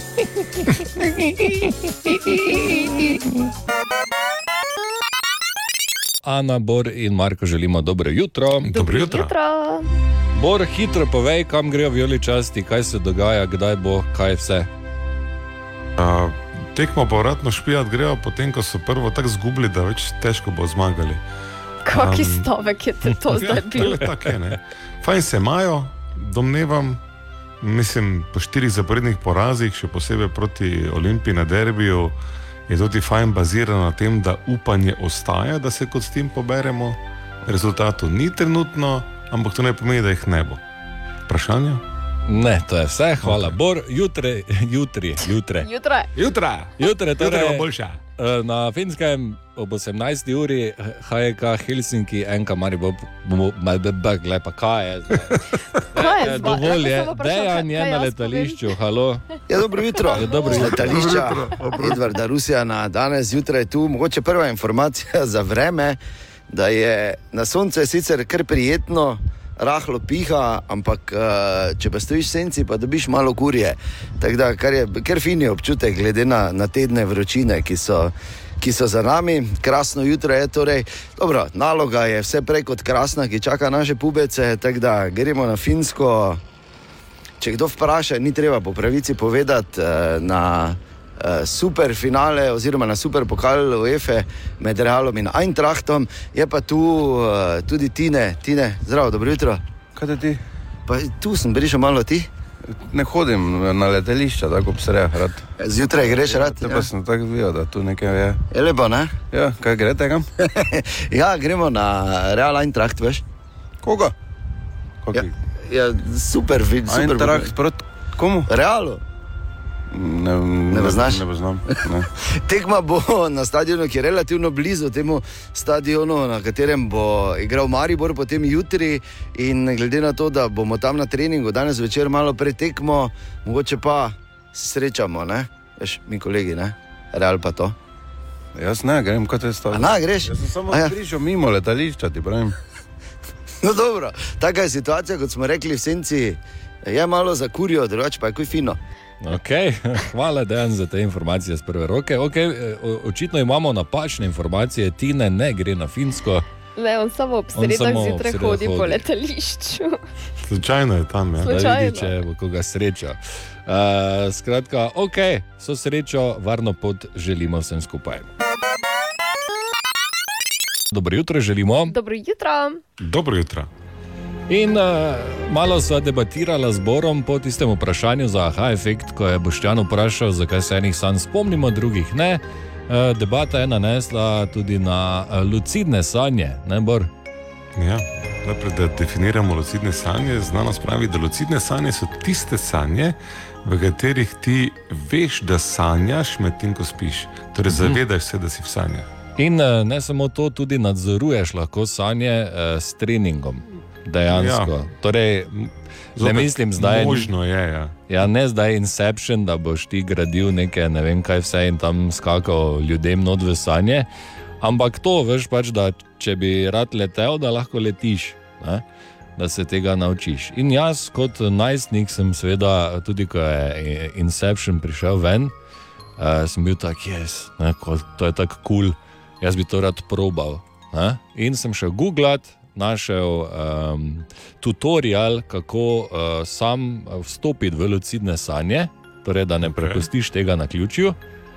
In je bilo preprosto navodilo, pač, da moraš biti utrujen. Uh, in potem, ko greš spat, se vležeš uh, lepo na hrbet in ležiš uh, z zaprtimi očmi, ampak ne smeš zaspati. Ne? In v tistem trenutku, ko, ko začneš malo cumat, bi naj prestopil v lucidne sanje. Meni se je zdelo, ok, preprosto, grem jaz to probat. In uh, se naenkrat, pač tako se vležem, vse levo, desno, se zbudim naenkrat, pa sem tak, aha, v svoji sobi sem. Ni, ni uspelo, ne? vse je bilo isto, zbudil sem se v svoji sobi na hrbtu, ampak pri robu postelje je stala ena oseba. Pa daj. Ne zmišljujem si, to je čisto za res.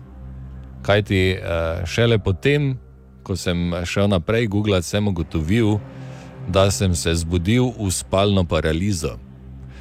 In to je do danes eden od bolj grozljivih eh, prizorov, izkušenj, karkoli, kar sem jih jaz doživel.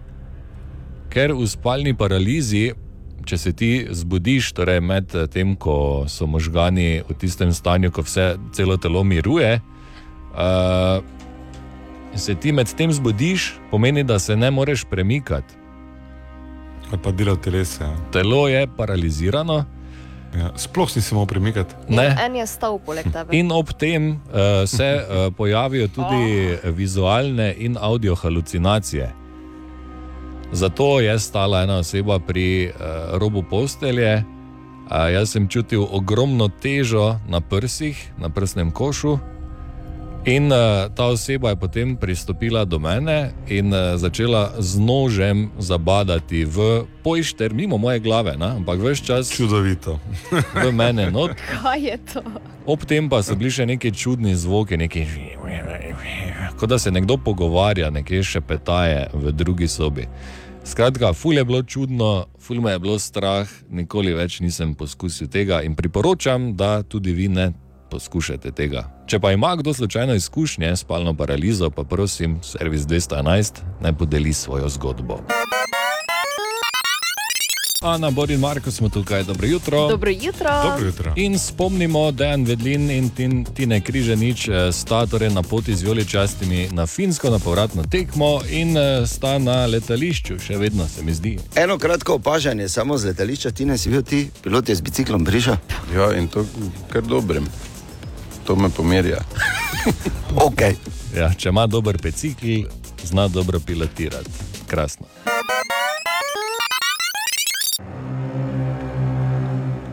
Strah. Strah in trepet. Govorimo, nehaj no. ja, no, če pa govorimo, govorili smo o spalni paralizi, jaz sem vprašal, če ima kdo izkušnje s tem, in poklicala je Tatjana. Ja, dober dan, Tatjana iz Ljubljane pri telefonu. Jaz sem ravno kar poslušala prispevek o spalni paralizi. Imam izkušnjo, to se mi je ne. Ene dve let nazaj se mi je to zgodilo, ko sem se sred noči zbudila v posli in sem eh, pri, uh, pri vratih videla moškega v črno, v črno pelerino pa klobuk na glavi in mi je bilo zelo strah in sem potem hotla se premakniti, da bi moža rukanla, po, ne, sem bila čist popolnoma, čist paralizirana in ker sem hotla zaupiti, tudi grgret nisem mogla. Mislim, to je bilo nekaj toliko toliko grozljivega in pol še leta nisem v bistvu nobenemu tem tega povedala, ampak časoma sem pol uh, pač uh, zvedla, ne, da, to, da je to del kako bi rekla, spanja, ne, ki si paraliziran. Sam izkušnja, pa tako kot je gospod povedal, je naravno zgrozljiva, ker tudi glasu ne moreš iz sebe spraviti, ne moreš se premakniti, ne moreš popolnoma ničesar ne moreš početi. No, in je res zelo grozljiva izkušnja. Tako da sem prav vesela, da sem ta prispevek slišala. Ok, Tatjana, hvala lepa za klic. Naj se ne eh, zgodi več, ne. Ja, res upam, da se vam ne zgodi več nikoli, da se meni, tebi, nikomur, da se to ne zgodi. Če pa imaš še kakšno zgodbo, pa seveda, servis 211. Dobro jutro želimo. Dobro jutro. Tako, futbal, danes se v Helsinkih igra zelo, zelo pomembna tekma za enka Maribor. Lov na zaostanek eh, z nič proti dve ne bo lahek, med drugim tudi zato, ker imajo domačini na svojem stadionu umetno travo, ne David? Ja, pa še vse te poškodbe niso zaceljene v našem taboru, štiri zaporedni porazi, veliko razlogov za negativo, ampak samo en razlog za optimizem in to je, nobena serija ni več na tudi negativne. Ne. Tako da prej ali slej se bo obrnilo, že danes priložnost, da se naši pubeci izkažejo, da le ni tako vse slabo, kot trenutno zgleda. Trener Karanovič pa je povedal, na katere detajle v sami igri med tekmo je igralce že opozoril. Bolj mogoče kot, kot tisti posamezniki je dejstvo, da smo mi po dobljenem golu, bi rekel, takoj v določenem trenutku spustili glave dol in enostavno tisto, kar smo dobro delali v prvem polčasu, smo rabili potem enih 20 minut, da smo se pobrali, oni so to izkoristili, z- drugi zadeli. Eh, Tako o tem smo se že pogovarjali in eh, tudi Uh, jutri bomo še bolj pozorni na te detalje. Zato pravim, uh, najbolj po, uh, pomembno je, da verjamemo, uh, tudi moramo iti malo v rizik, nedvomno, in, in iz tega priti do dobrega rezultata. In nazaj k optimizmu, nič proti dve, ni mali zaostanek, ni pa nemogoč zaostanek. Tako da, hm. Ja, ampak še vedno so tukaj poškodbe nogometašev. Ja, nimaš kaj, pač eh, to je trenutno stanje, ampak spet moram biti malo tečen z mojim optimizmom. Sirk je že saniral svoje, bil že pripravljen proti Olimpiji in uh, predtem že odigral na res fajtersko tekmo proti šerifu, se zelo dobro kosal z njihovimi uh, biki. Tako da, če bo pol tega jutri pokazal, pa mu bo ekipa sledila, bo Fince odpihnilo tak stran. Uh, vseeno niso tako kvalitetni kot šerif, to moramo vedeti in se zavedati. Tudi Božič že nekaj časa po poškodbi igra, je že v nekem ritmu, manjkajo pa torej Pihler, Juk, Milec, žal pomembni členi in pa tudi Watson na novo, tako da namesto njega je že pripravljen Sven Šoštršič, Karič in tudi trener je to potrdil. Glih ta enotnost, katero trenutno čutimo v klubu, je tisto, iz, iz česa izhajamo. In jaz sem že to omenil prejšnji teden. Mogoče res eh, rabimo tisti kanček sreče, da celotna zgodba izgleda dosti boljše.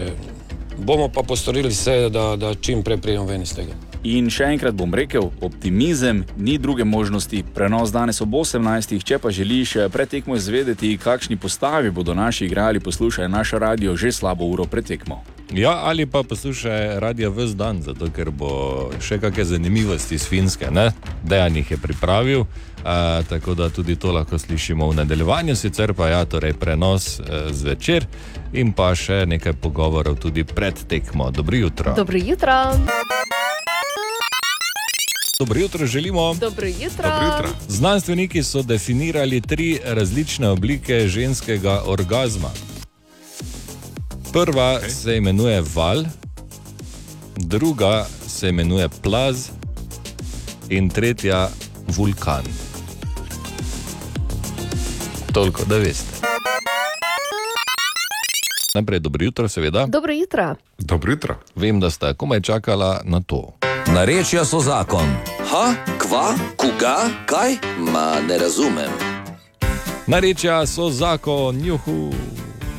Ja, mi dva imamo rada, narečja. Ja, ne vem, kak si ti, ampak mi damo res rada, da reče so zakon. slišim ta Za mene je ena od. Eh, pa daj. Pa daj, povem ti, za mene je ena od.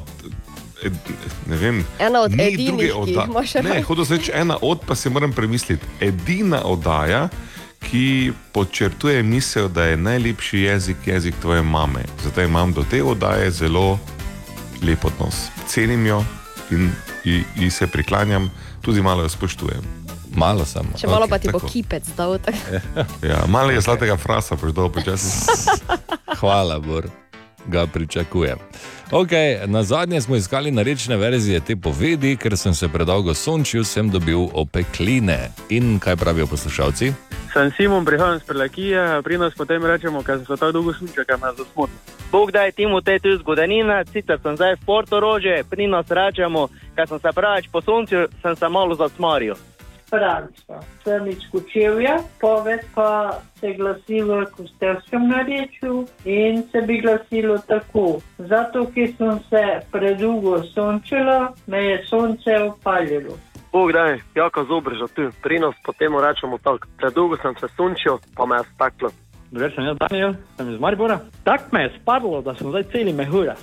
Marta pri telefonu, Vodoravsko, tu iz Ormoškega konca, ker sem bila predolgo na soncu in me je speklo.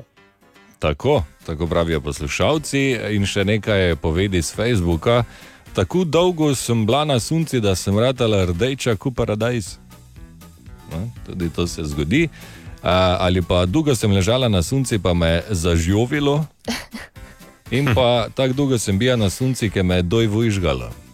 Ne? Ko te doj, dojvo izžge, te veš, da je sila. Gotovo. Uh, v tem tednu pa iščemo narečne verzije te povedi. Umakni svoje dolge noge, ker ne vidim televizije.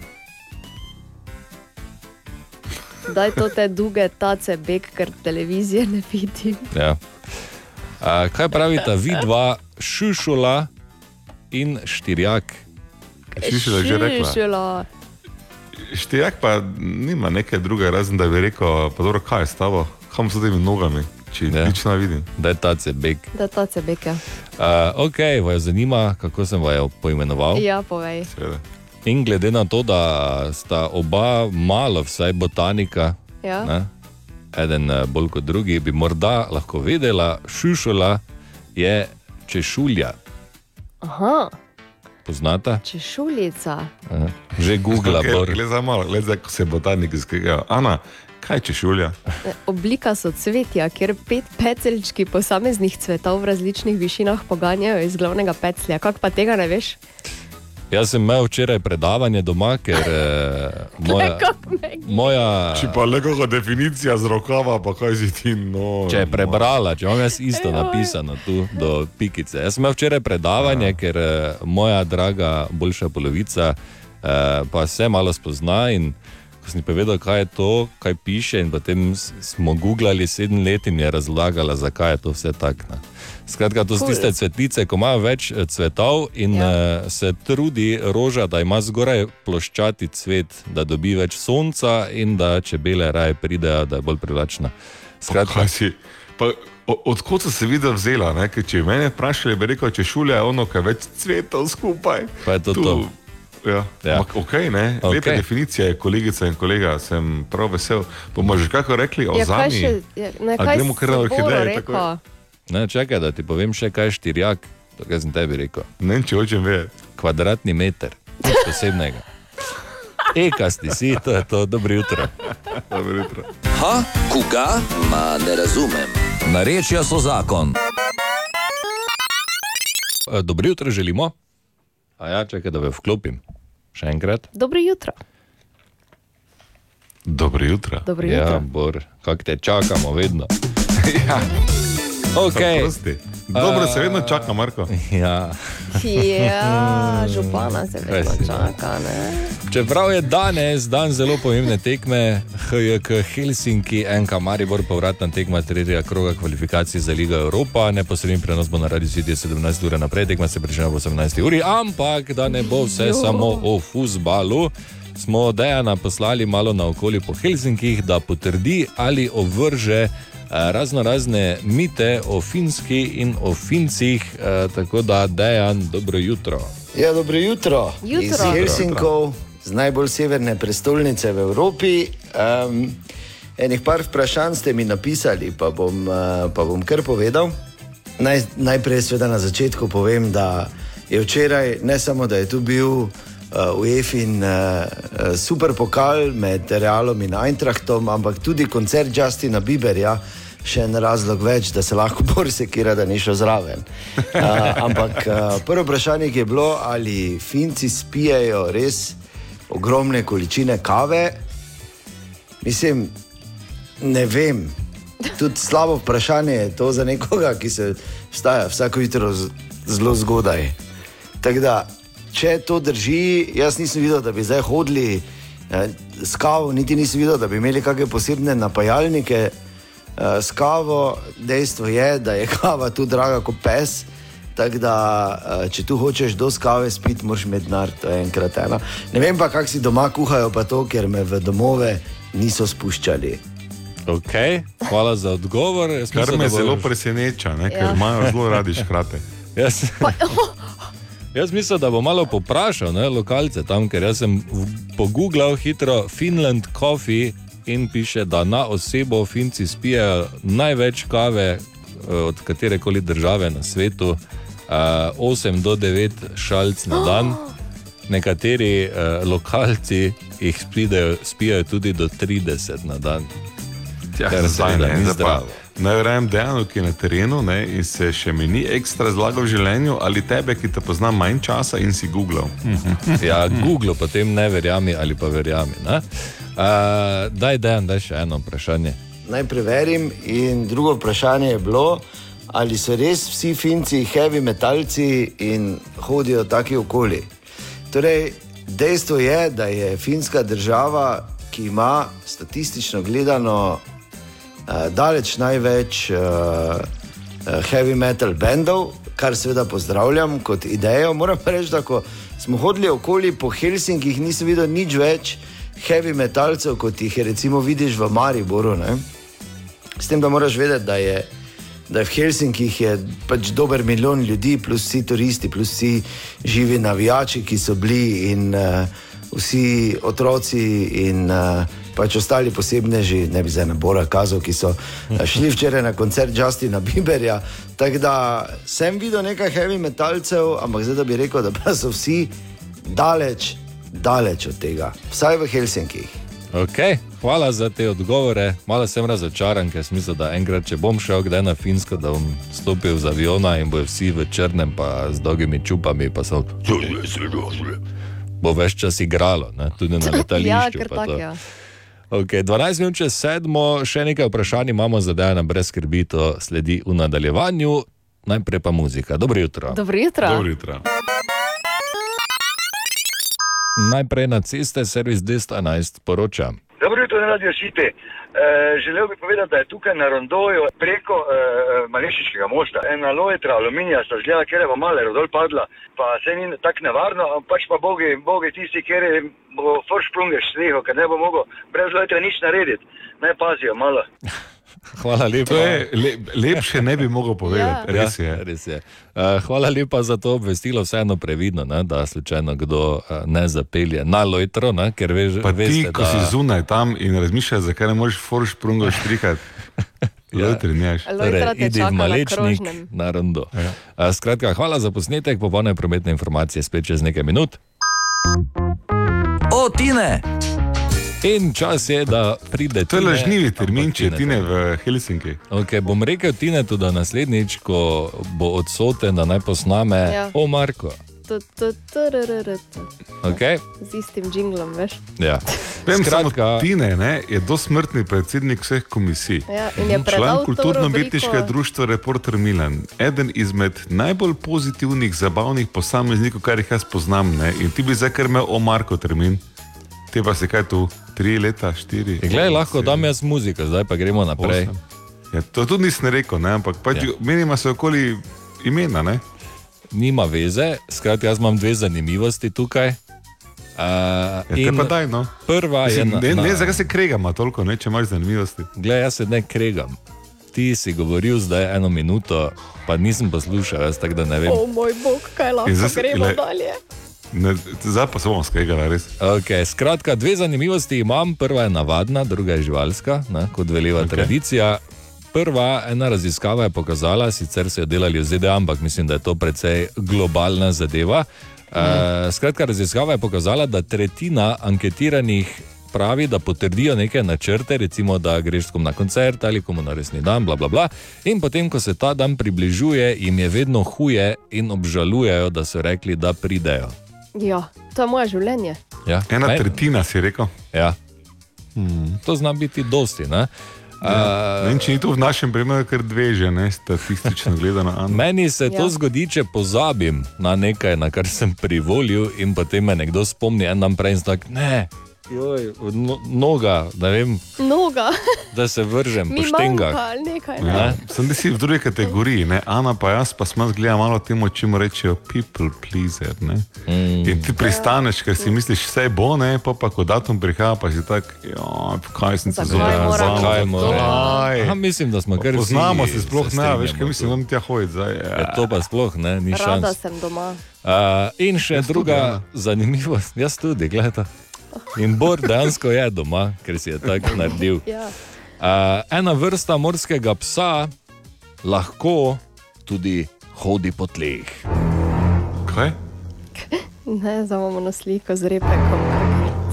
Noge so jim zrasle. Ne.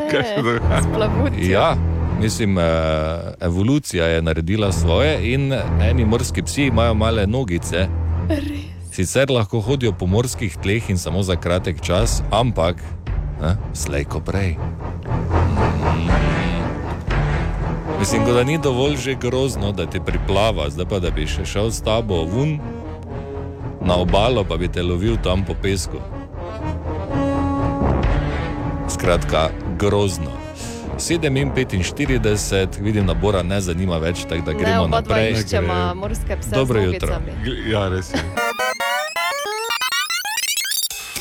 Aha, aha, aha, aha, aha, aha, aha efekt. Dobro jutro želimo. Dobro jutro. In Dobro jutro. tukaj je vprašanje za aha efekt.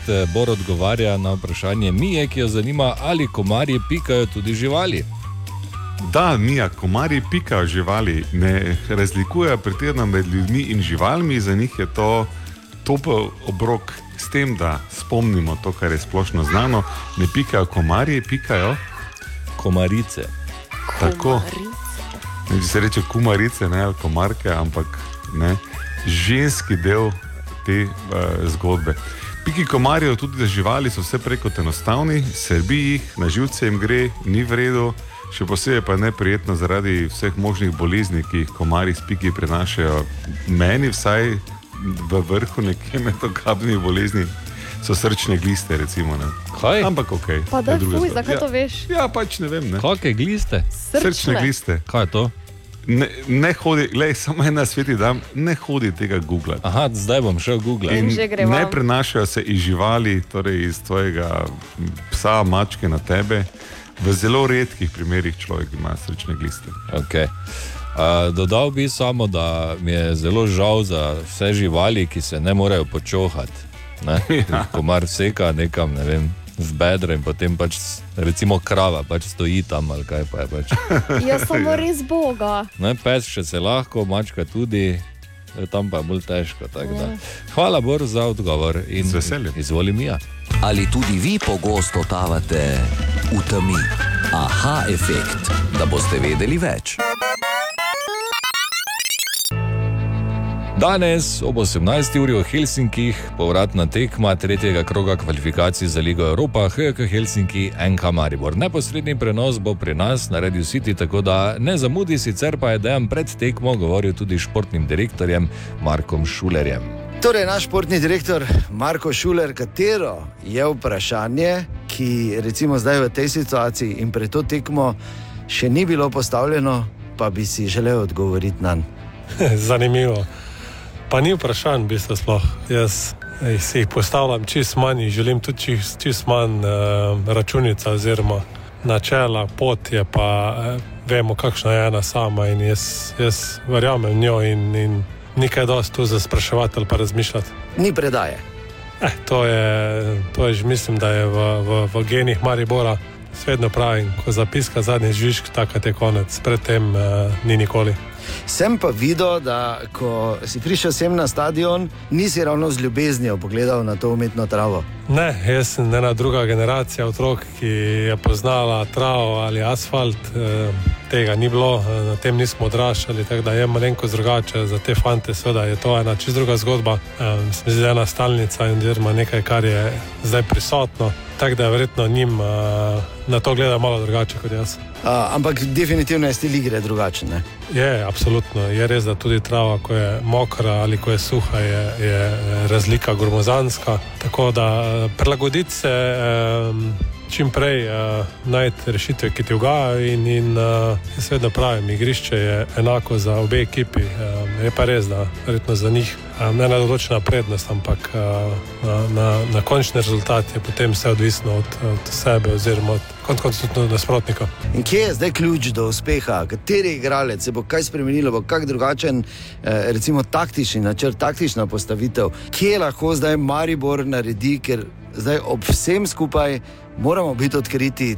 Tudi malo sreče nimamo in čas bi bil, da se to obrne. Ampak kje je lahko recimo ena konkretna stvar, ki jo poveš, da vemo, kako se bo Maribor lotil te tekme? Ja, dejstvo je, da je zdaj druga tekma. Uh, v bistvu izgubiti uh, se sliši moče malo čudno, ampak izgubiti nimaš več kaj. In, in tu uh, je izhodišče čisto drugačno kot pa pred prvo tekmo ali ko imaš kakšen drug rezultat. Enostavno iti uh, v tekmo, uh, to, kar je in kar jaz vidim, vseeno velik plus je, da uh, mi zmoremo veliko, veliko bolje. In, in uh, do zdaj smo um, odigrali, bom rekel, nekako te dobre prve polčase. Če to sestavimo eno celoto, celo tekmo, je, je potem stvar drugačna. Je pa res, da jaz vedno pravim, srečo moraš izzivati, uh, moraš verjeti v njo. In, in uh, dejstvo je, da je bilo narejeno veliko dobrega. In če zmanjšamo te stvari, ki nas zdaj pač nekako tepejo, da, da zelo lahko, predvsem pa iz, iz nič, dobimo gol uh, in, in da iz teh priložnosti, ki jih imamo za evropske tekme, ogromno zabijemo. Jaz, jaz vedno pravim, rezultat 2-0 je zelo, zelo varljiv. Jaz verjamem in, in upam, da, da je lahko vse odprto in en gol lahko postavi celo tekmo čisto na glavo. Ravno to, ko je zdaj bilo omenjeno, ti zadetki, veliko jih je. Vemo, izvrsten branilec, uh, si bil za časa karijere, to je verjetno še posebej boleče zdaj z tega zornega kota. Ja, način je boleč, ko te nasprotnik ne izigra, ko v bistvu nasprotnik tebe ne pritiska, enostavno se ti zgodi ena prekinitev ali, en, ali uh, mogoče v nekem momentu, ko pač ti prevladuješ in greš nek določen rizik. To je malenkost uh, za branilca, neka stvar, drugo je, ko je nekdo izrazito boljši od tebe in te konstantno pritiska in, in bom rekel, na nek način visiš. Ampak uh, to je tisti moment v nogometu, ko lahko zelo hitro obrneš. Uh, je pa treba verjeti, da si dober in jaz, jaz to vidim, da fantje kažejo iz tedna v teden, iz tekme v tekmo. En nov obraz, da se spoznavajo, oziroma ene boljše predstave. In, in, um, jaz sem tu velik optimist. Tudi mi vsi, ker je Maribor šampion. Danes, torej ob 18. uri, neposredni prenos pa na Radio City. Dobro jutro. Dobro Dobro jutro. jutro. Danes eh, zvečer ob 18. uri je torej tekma med Helsinki in Mariborom, neposredni prenos na Radio City. Dan je namreč na finskem in če že tam smo ga izkoristili, da gre malo naokoli po Helsinkih in preveri določene mite. Dobro jutro, Dejan. Dobro jutro iz Helsinkov. Torej, ko sem šel, ste mi dali v kufer par vprašanj. Naj samo Ja. še enkrat povem, da so prvi odzivi po koncertu Justina Bieberja, ki je bil tukaj včeraj, res izjemni bor in lahko ti je žal, ker ti je žal, ker vem, da ti je žal. In eno zadnje, če bi le lahko, če ne bi novembra. Se pač planiralo, kar se planira, vem, da bi tudi dejansko hodil kot Justin, okoli oblečen, pa s tako lepo blondno frizuro. No, ampak uh, vprašanje, ki je bilo, ali je na finskem res celo leto mrzlo, definitivno ne drži.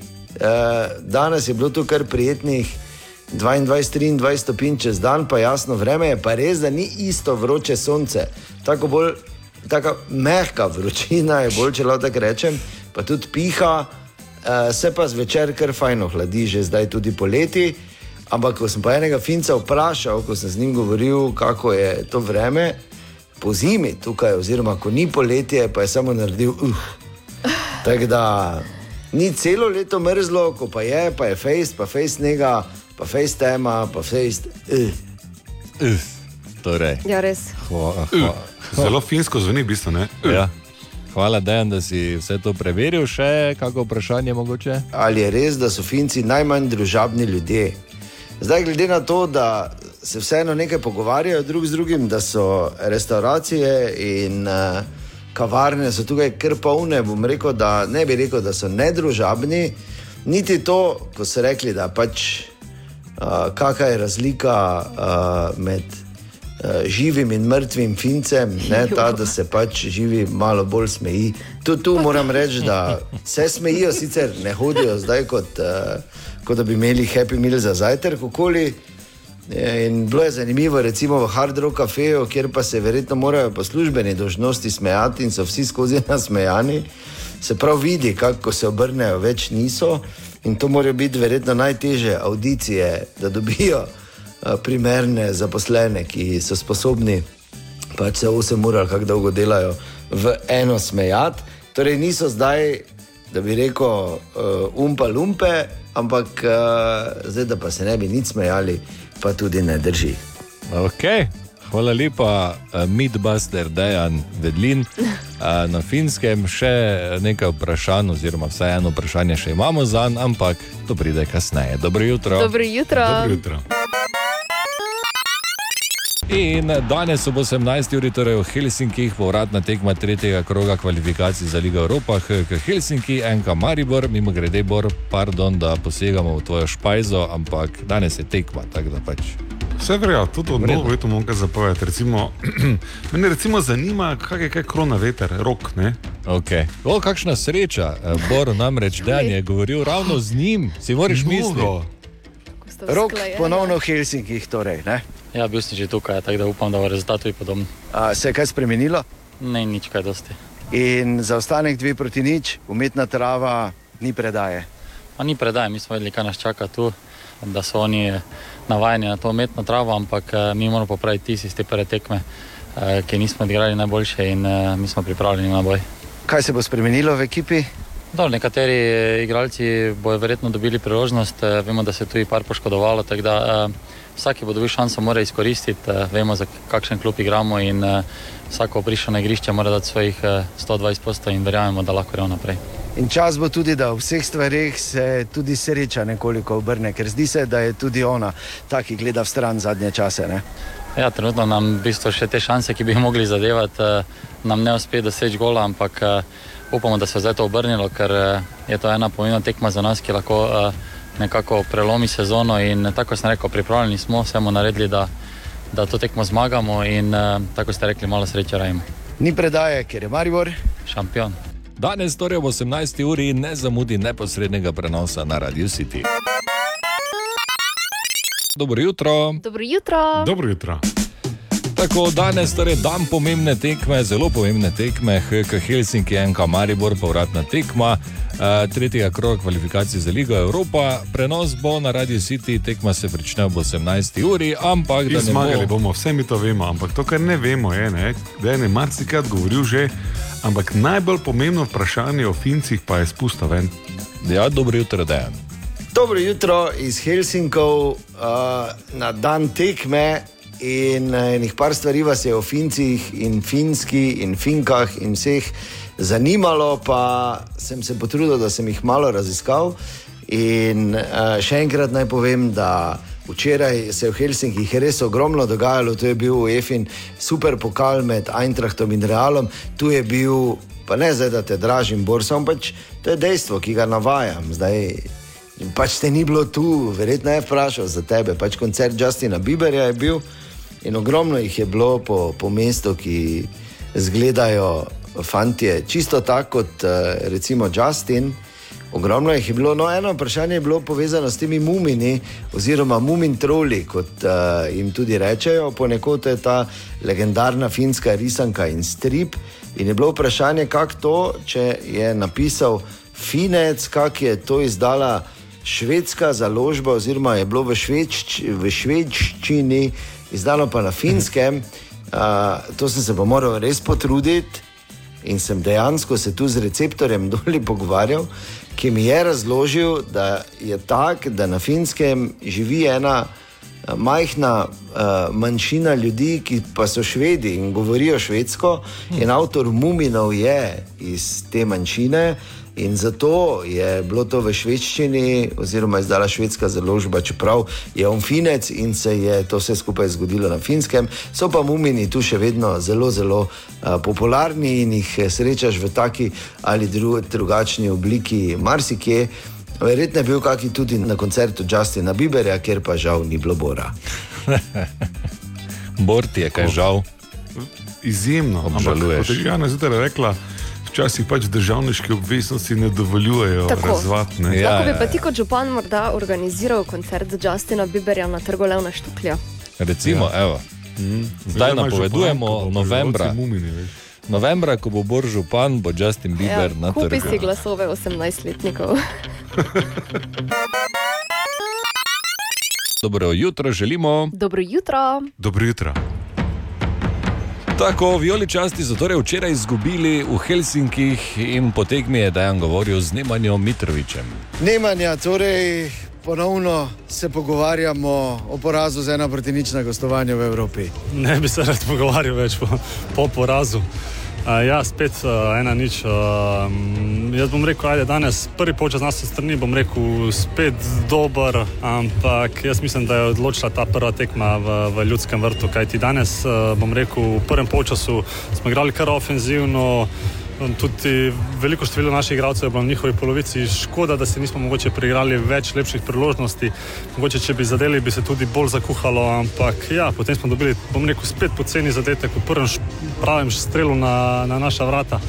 Tako da na koncu bom rekel zasluženo napredovanje Helsinkov in uh, mi moramo dvigniti glave in uh, počasi razmišljati o nedeljski tekmi. Definitivno ste morda z rokom govorila, je bila tista 11 metrov ob koncu prvega polčasa. Ja, mi, mi trdimo, da je bila, kajti Baturina je prvi uh, prišel do žoge, sprejel s prsi in uh, potem ga je igralec uh, rekel, potisnil oziroma podrl v kazenskem prostoru. Ja, tako se je tudi videlo, ne na zadnje na igrišču. Je ni zdaj spet domače prvenstvo, je pa res, da naslednja evropska tekma bo še bolj, eh, bomo rekli, komplicirana v obrambi Maribora. Ne? Kartoni so tukaj.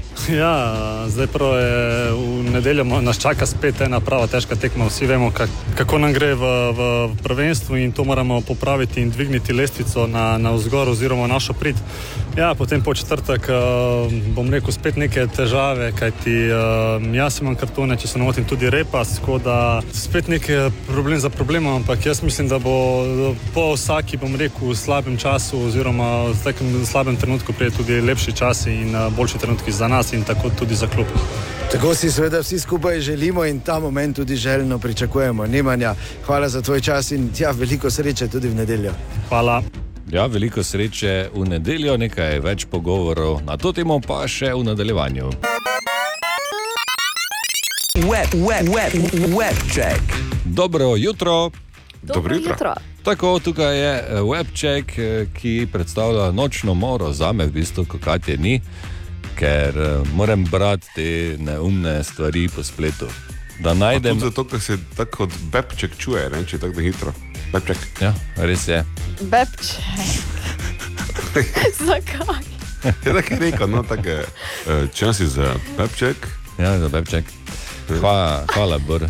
Izjemno, za to spoznanje. Zakaj ne preimenujemo te rubrike v Bebček? Eh, Ker ko bo Katja prišla nazaj, pa ugotovila, da se je njena rubrika iz Webček preimenovala v Bebček, bomo vsi mi nastali. Dobro. Skratka, Tomi Lee, bobnar skupine Motli Crew, je po pomoti objavil svojo golo fotografijo. Kako lahko? No, Od veš, spredaj pa je tako, da Uh, zgleda, je tudi Bingla pokazal. Lepo. Uh, pa jaz verjamem, da. Bebček, ja. Okay.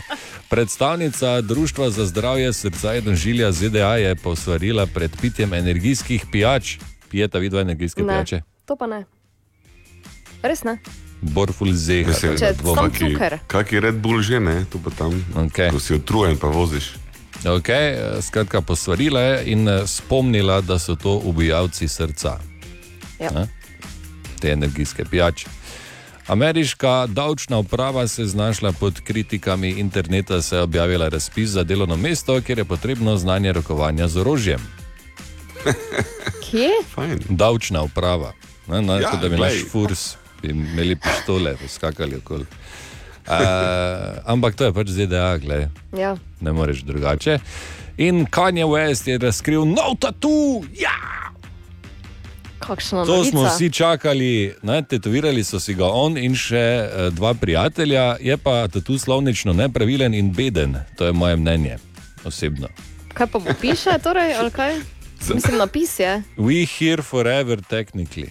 Ne, kot da bi bilo je? pri slovenščini, mi tukaj zavedno. Tehnično. Ja, tehnično. če tako gledaš, ne, smo, če tako gledaš, mi tu zavedno. Uh, Tako da, bravo, Kanye West, čestitke, Ja, res izjemno. enkratno. In pa znani mariborski uh, radijec Borg Reiner je preimenoval Webček v Webček. To je ta met, meta šala za na konec, 6 in 27, dobro jutro. Dobro jutro. Dobro jutro. Webček. Dobro jutro. Dobro jutro. Dobro jutro. Tako in eh, te dni še vedno govorimo o varnosti na internetu in vseh pasteh, ki jih brskanje po spletu vsebuje. Najbolj so seveda na udaru mladostniki, ki jih eh, je treba zaščititi pred temi vplivi, oziroma bolj kot zaščititi, primerno izobraziti, da potem vedo, kako in kaj. Eh, Na to temo se je Tana, ta, Tana, Tanja. Se je pogovarjala s psihologinjo iz eh, centra Šteker, kjer so se že pogovarjali z mladostniki, ki so žal bili tudi žrtve izsiljevanja ali zlorabe na internetu. Tanja. Strokovnjaki ugotavljajo, da do največ težav prihaja pri zlorabi fotografij v pornografske namene. Največje vprašanje je, kako se s takšnimi zlorabami soočiti. Pri centru Šteker ugotavljajo, da mladostnikom manjka sogovornik, s katerim bi se lahko pogovarjali o občutkih, razlaga psihologinja Janja Srebrnič. Porast je pravzaprav v tem, da so starši preobremenjeni. In to pomeni, da so mladostniki veliko sami in sami dosti teže ocenijo te spletne nevarnosti. Jaz to zelo rada primerjam z učenjem vožnje s kolesom. Ko posadimo otroka prvič na kolo, koliko je star, eno leto, mogoče na pogonjavčka. Ne? In potem ga zvesto spremljamo, vsa varnostna navodila, dobi čelado, eh, starši se uči, na kak način držati ravnoteže, malo po malo. In to je tisto, kar pri zaslonskih tehnologijah manjka. Tiste neke varovalke ni. Ne? Zgodba za sebe je tudi Instagram. Pogosto se srečujejo z uporabniki, ki imajo težave ravno na tem področju. Če samo spomnimo na raziskavo opravljeno pred časom, kar četrtina mladostnic in mladostnikov namreč pri nas razmišlja o plastični operaciji, ravno zaradi tega, kar vidijo na spletu in se na to z različnimi vplivnicami in vplivneži primerjajo. Je velika težava v tem, ker mladostniki vse se zavedajo, da tisto, kar vidijo na Instagramu, ni čisto realna slika. Ampak oni teh vplivnikov, vplivnic v realnem življenju ne poznajo. Kar pa pomeni, da potem tudi te neke varovalke v bistvu uh, izginejo, oziroma jih pravzaprav ni, ker nimajo neke realne slike, kako potem človek zgleda. In na Instagramu se je nekaj časa nazaj pojavil en spletni izziv: Instagram versus reality. V bistvu je šlo za to, da so se vplivnice, predvsem tudi nekatere vplivnike, ampak so se najprej slikale v Instagram pozi. Potem so povedali, pač tudi koliko posnetkov je šlo v to, potem pa eno minutna razlika vmes, recimo so sprostile trebušček, eh, pa niso več držali napetih mišic in je podoba takoj popolnoma drugačna. In zadeva je res potem čisto, čisto drugačna. Ne? Tako da eh, take izzive eh, vsekakor pozdravljamo. Absolutno, tako je, da smo čim bolj realni. Bor, kako pa si se ti srečal z internetom in vsemi temi pastmi, ko si odraščal? Marko, jaz sem bil star približno 60, ko se internet. Ko je izumil internet. No, ampak tudi če danes greš 60-letna oseba prvič na internet, bo eh, stisnila na bravo za 200 milijonov dolarjev. ne? ja. Ampak hec je v tem, da sem jaz rastel z internetom, ker je tudi internet rastel zelo počasi in je prišel iz obljube. Eh, Izločil bom srednjega človeka, rešil bom vse probleme na svetu, do hej, se tu, tu lahko ljudi eh, malo opeharimo, do o, o, tu noč stopiti, ne, kje ima puška. To so koraki, kako se je internet razvijal. Ne, je pač Ja, v ja. človeški naravi, bolj manj, Marko, je to, da zlorabimo vsako orodje, ki ga imamo. Tudi, da ne grem zdaj pregloboko, ne, za ostale orodje to velja. Mhm. Ampak ta poanta, da moramo, tako kot pri učenju kolesa, tudi pri učenju interneta spremljati mlajše in te, ki manj vedo, to je genialna ideja. Lepa Absolutno. primerjava, mislim. Ja, ker mladi žal so zdaj tukaj, stopijo kar naenkrat v, v ta internet, ko je že na, na red. Ne, kako ja. gled, oni so še tehnično hitrejši, ne, kot so bile prejšnje generacije. Julija stare tri leta, pa uporablja ta screen boljše kot uh, njena babica. Ampak uh, presoje pa ne znane. Uh -huh. In presoja je največji problem, ker z Googlom smo se naučili, da ko vržeš vprašanje, ne pride nazaj samo pšenica, tudi ogromno plevela. Pa kaj si na kakšne modrosti in to za ston, vsako jutro na Radio City, Bor Grajner. Zdaj že pa eno mali bora. Čez sedmo, dobro jutro. Dobro jutro. Dobro jutro. Tako, haha, čas je. Čas je za skoraj nemogoče vprašanje. Ko je vprašanje bolj spektakularno od odgovora, Ali pač. pač. Tako, tako. Okay, vprašanje seveda temelji na statistiki iz Evropske unije, torej zajema tudi nas in tokrat ga ni pripravil Dejan Vedlin, Ampak Marko Fras. ja, ker je Dejan pozabil. Prihaja z področja slovenistike. Ne, ni Da. res. Ja, valjda. Stran okay. 205 v to porišičevi slovnik. Ne? Uh, ok, lahko, sta pripravljena. Ja. Vsak ima štiri poskuse, seveda. Brez veze, ok. Okay.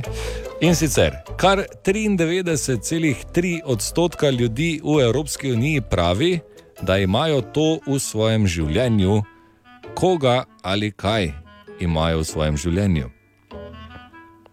Hišnega ljubljenčka. Mamo.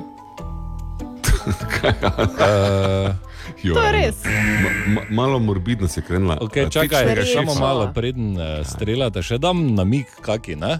Torej, uh, gre za osebo in uh, Ana si na dobri poti, ampak uh, razmišljate bolj tako uh, splošno, ne točno mama, a ta, ta, ta.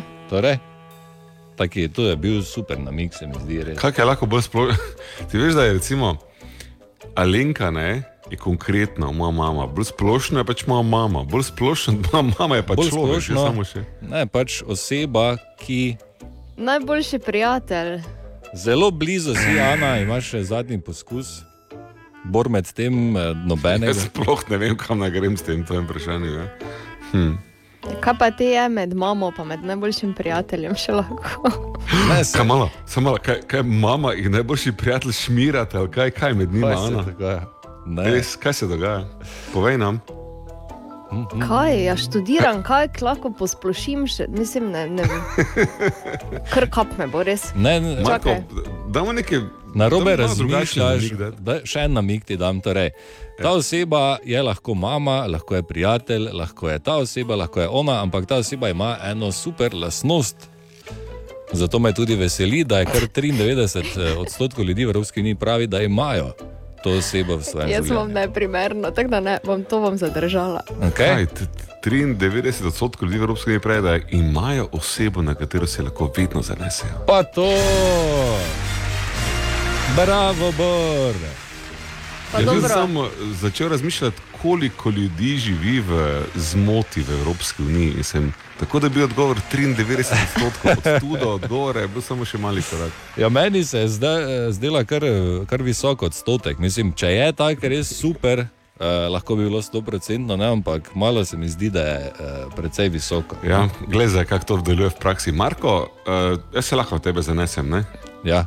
Ja, sva prijatelja in sodelavca. In Ja, dobro tako. se razumeva. Ne? Tako, tako. Ja. Marko, jaz bi 300 evrov rabo do 15.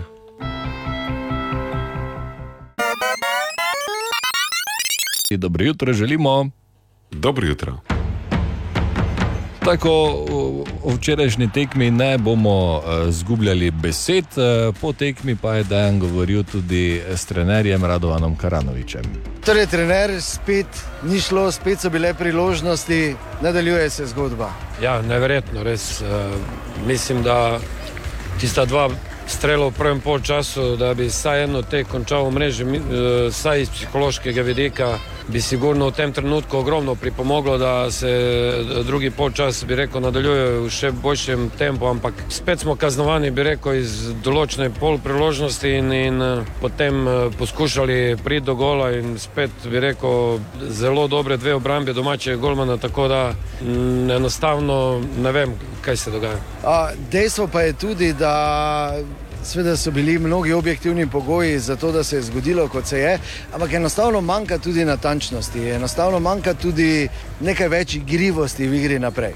Ja, se strinjam. eh, Verjetno danes eh, na tem igrišču preveč tehničnih napak, predvsem v eh, rekel, organizaciji igre. Dejansko mislim, da če želiš tekmo zmagati, moraš sigurno poskušati eh, biti bolj natančen na same oddaje žoge, ampak eh, to je tisto, mogoče, kar smo imeli rahle pomisleke, kaj bo to pomenilo. Na koncu se izpostavilo, da mogoče tudi to bilo dodatni problem. Dejstvo pa je tudi, da seveda naša evropska pot še ni končana, ampak za naslednjo evropsko tekmo bo še nekaj več težav za, za sestavo enajsterice, težava z rumenimi kartoni, manjkal bo branilec Mitrovič, ne na zadnje tudi Repas.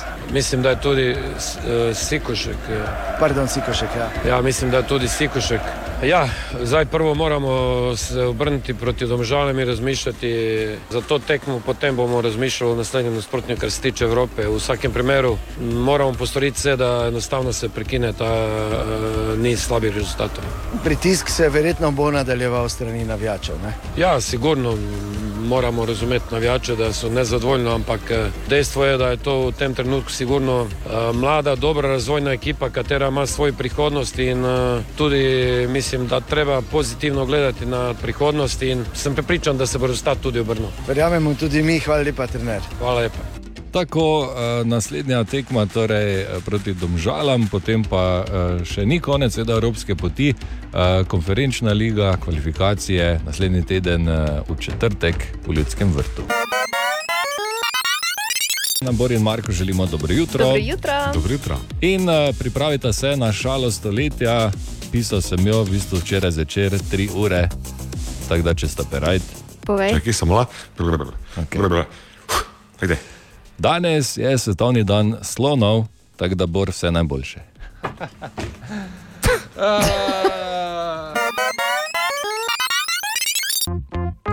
O, Tine! In glej, glej, kakšno prijetno presenečenje. Tine je tukaj. Ja, dobro jutro. Dobro Dobro jutro. jutro. Tine, In kdaj si kako- te pristali? Ja, kako je to mogoče? Malo prej. Ja. Direktno z Rusijo. To je, to je delovna vnema. Um, to je noro. Če, mislim, da samo vsi spati, ne, zdaj ko delati. Okay, In to v petek. Tako da, In to bravo. v petek. Bravo, Tine. Ja. Grajner upošteva, da to vnemo, veš, ki ne. Ja, vem, ja. Absolutno bomo zdaj kar rubriko preimenovali v- iz Otine v Bravo, Tine. Ne, ne, nisem to mislil. Bravo, Tine. Okay. Uh, kaj prinašaš s finske, Tine? Vemo, kaj ne Kaj svinske? Svinske, s ja, s- finske. Aha, okej. Petek je veš, Ja, pa je ja, ja. vlečena. Svinsko.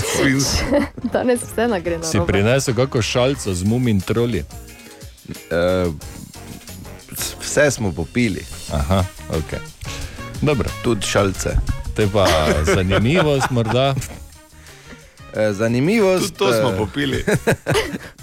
eh, ne, eh, imam zanimivo samo iz Pariza. A, če okej. šteje. Seveda.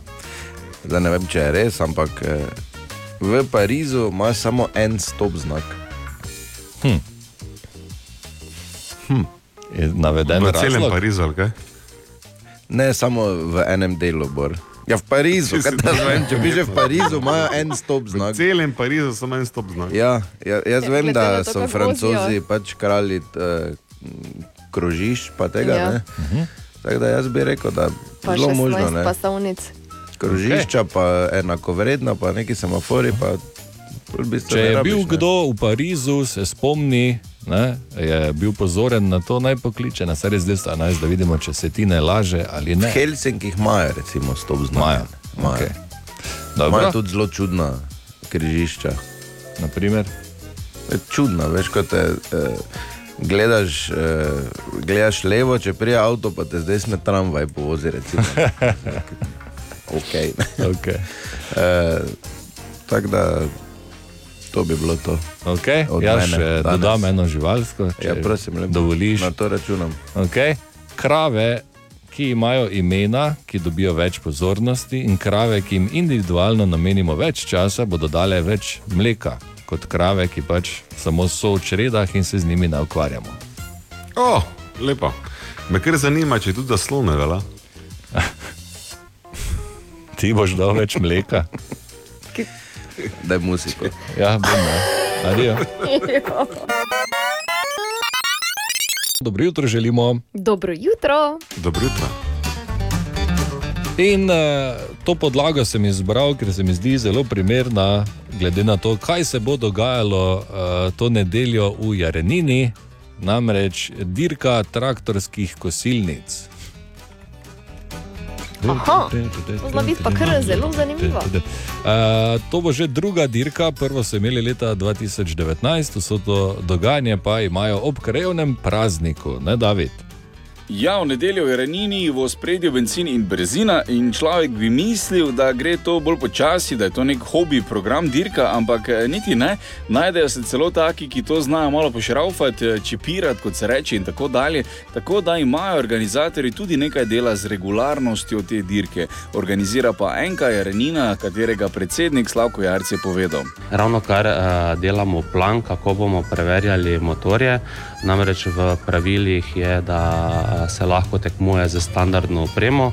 Predvidevamo, da bomo pred samim začetkom tekmovanja pregledali te naprave, ali so varnostno primerne, ter tudi ali ustrezajo tem standardnim pogojem. Ja, na kratko povedano, ni za jebancije. Prav tako pa ni za jebancije pri lepih nagradah. Če osvojiš prvo mesto, dobiš svojo lastno še eno traktorsko kosilnico, za drugo mesto vrtno kosilnico in pa za tretje mesto laksersko kosilnico znamke Husqvarna. Tako da je tudi zaradi tega dosti zanimanja strani tekmovalcev. Ja, gledajte, dober glas se sliši v deveto vas. Uh, nagrade so res zelo lepe, zato smo posebej ponosni, da uh, je pokrovitelj trgovina Lopa. Jaz upam, da bodo bodočim lastnikom dobro služili ter da se bodo radi vračali v naš kraj. Torej, priporočamo obiske Arenine za ta vikend, danes Alfi Nipič in 60 let njegovega ustvarjanja. Jutri je odprti dan Areninskih letiv, po ponedeljek potem turnir v ruskem keglanju in pa v nedeljo dirka.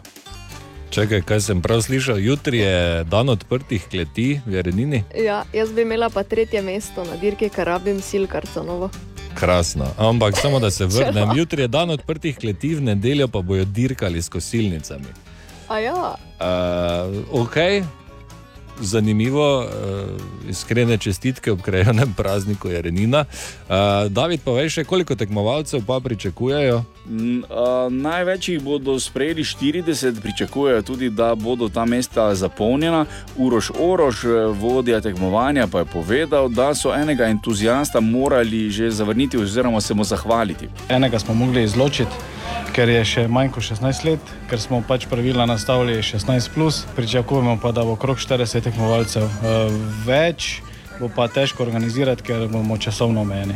Ja, verjamem, da bo še prišel njegov čas, eh, ampak glede na to, da je trgovina Lopa iz Kosarjeve ulice v Mariboru prispevala eh, lepe nagrade, je prav, da tudi njih omenimo, da jim damo besedo. Predstavnik sponzorja Aleksandr Ornišak je povedal to. Ja, trgovina Lopa kot povlaščen prodajalec pa serviser eh, znamke Husqvarna. Prav veseli, da smo lahko prisotni pri takšnem dogodku, ker vemo, da le veseli uporabniki so tisti uh, smerokaz, ki nam povejo, katero smer moramo se mi v trgovini in tudi v samem podjetju razvijati. In ker podpiramo širšo in ožjo okolico uh, Maribora, in uh, ker želimo pomagati društvom, ki želijo delati dobro. Torej, dirka se začne v nedeljo ob 16. v Renini zraven nogometnega igrišča, preden pa se odpraviš, priporočam, da si pogledaš grafike objavljene na Facebook dogodku Traktor Race Jarenina 2022. Svetovno. Meni se zdi to super ideja, ja. zabavno se sliši, najmalo se podružiš, popiješ, poješ in gledaš. Uh, ljudi na traktorskih kosilnicah. Da je nekdo videl? Uh, ne, pa ne pustimo tinček. Ja, Tinček je prišel nazaj, da ena pa ni, ne. če ga kaj poznam, je zdaj na višinskih pripravah za traktorsko kosilnico. Zakaj pa na višinskih? Ja, kaj pa ti misliš, da se te pripravljajo za taka tekmovanja? Ja, ok. Razumem, ti okay. super G, pa vse to, ne, ki jih bo dosegal tam Tako. na kosilnici. Ok, v nedeljo torej v Jerenini ob 16. uri. Dobra, mali in stari, podcast jutranje ekipe.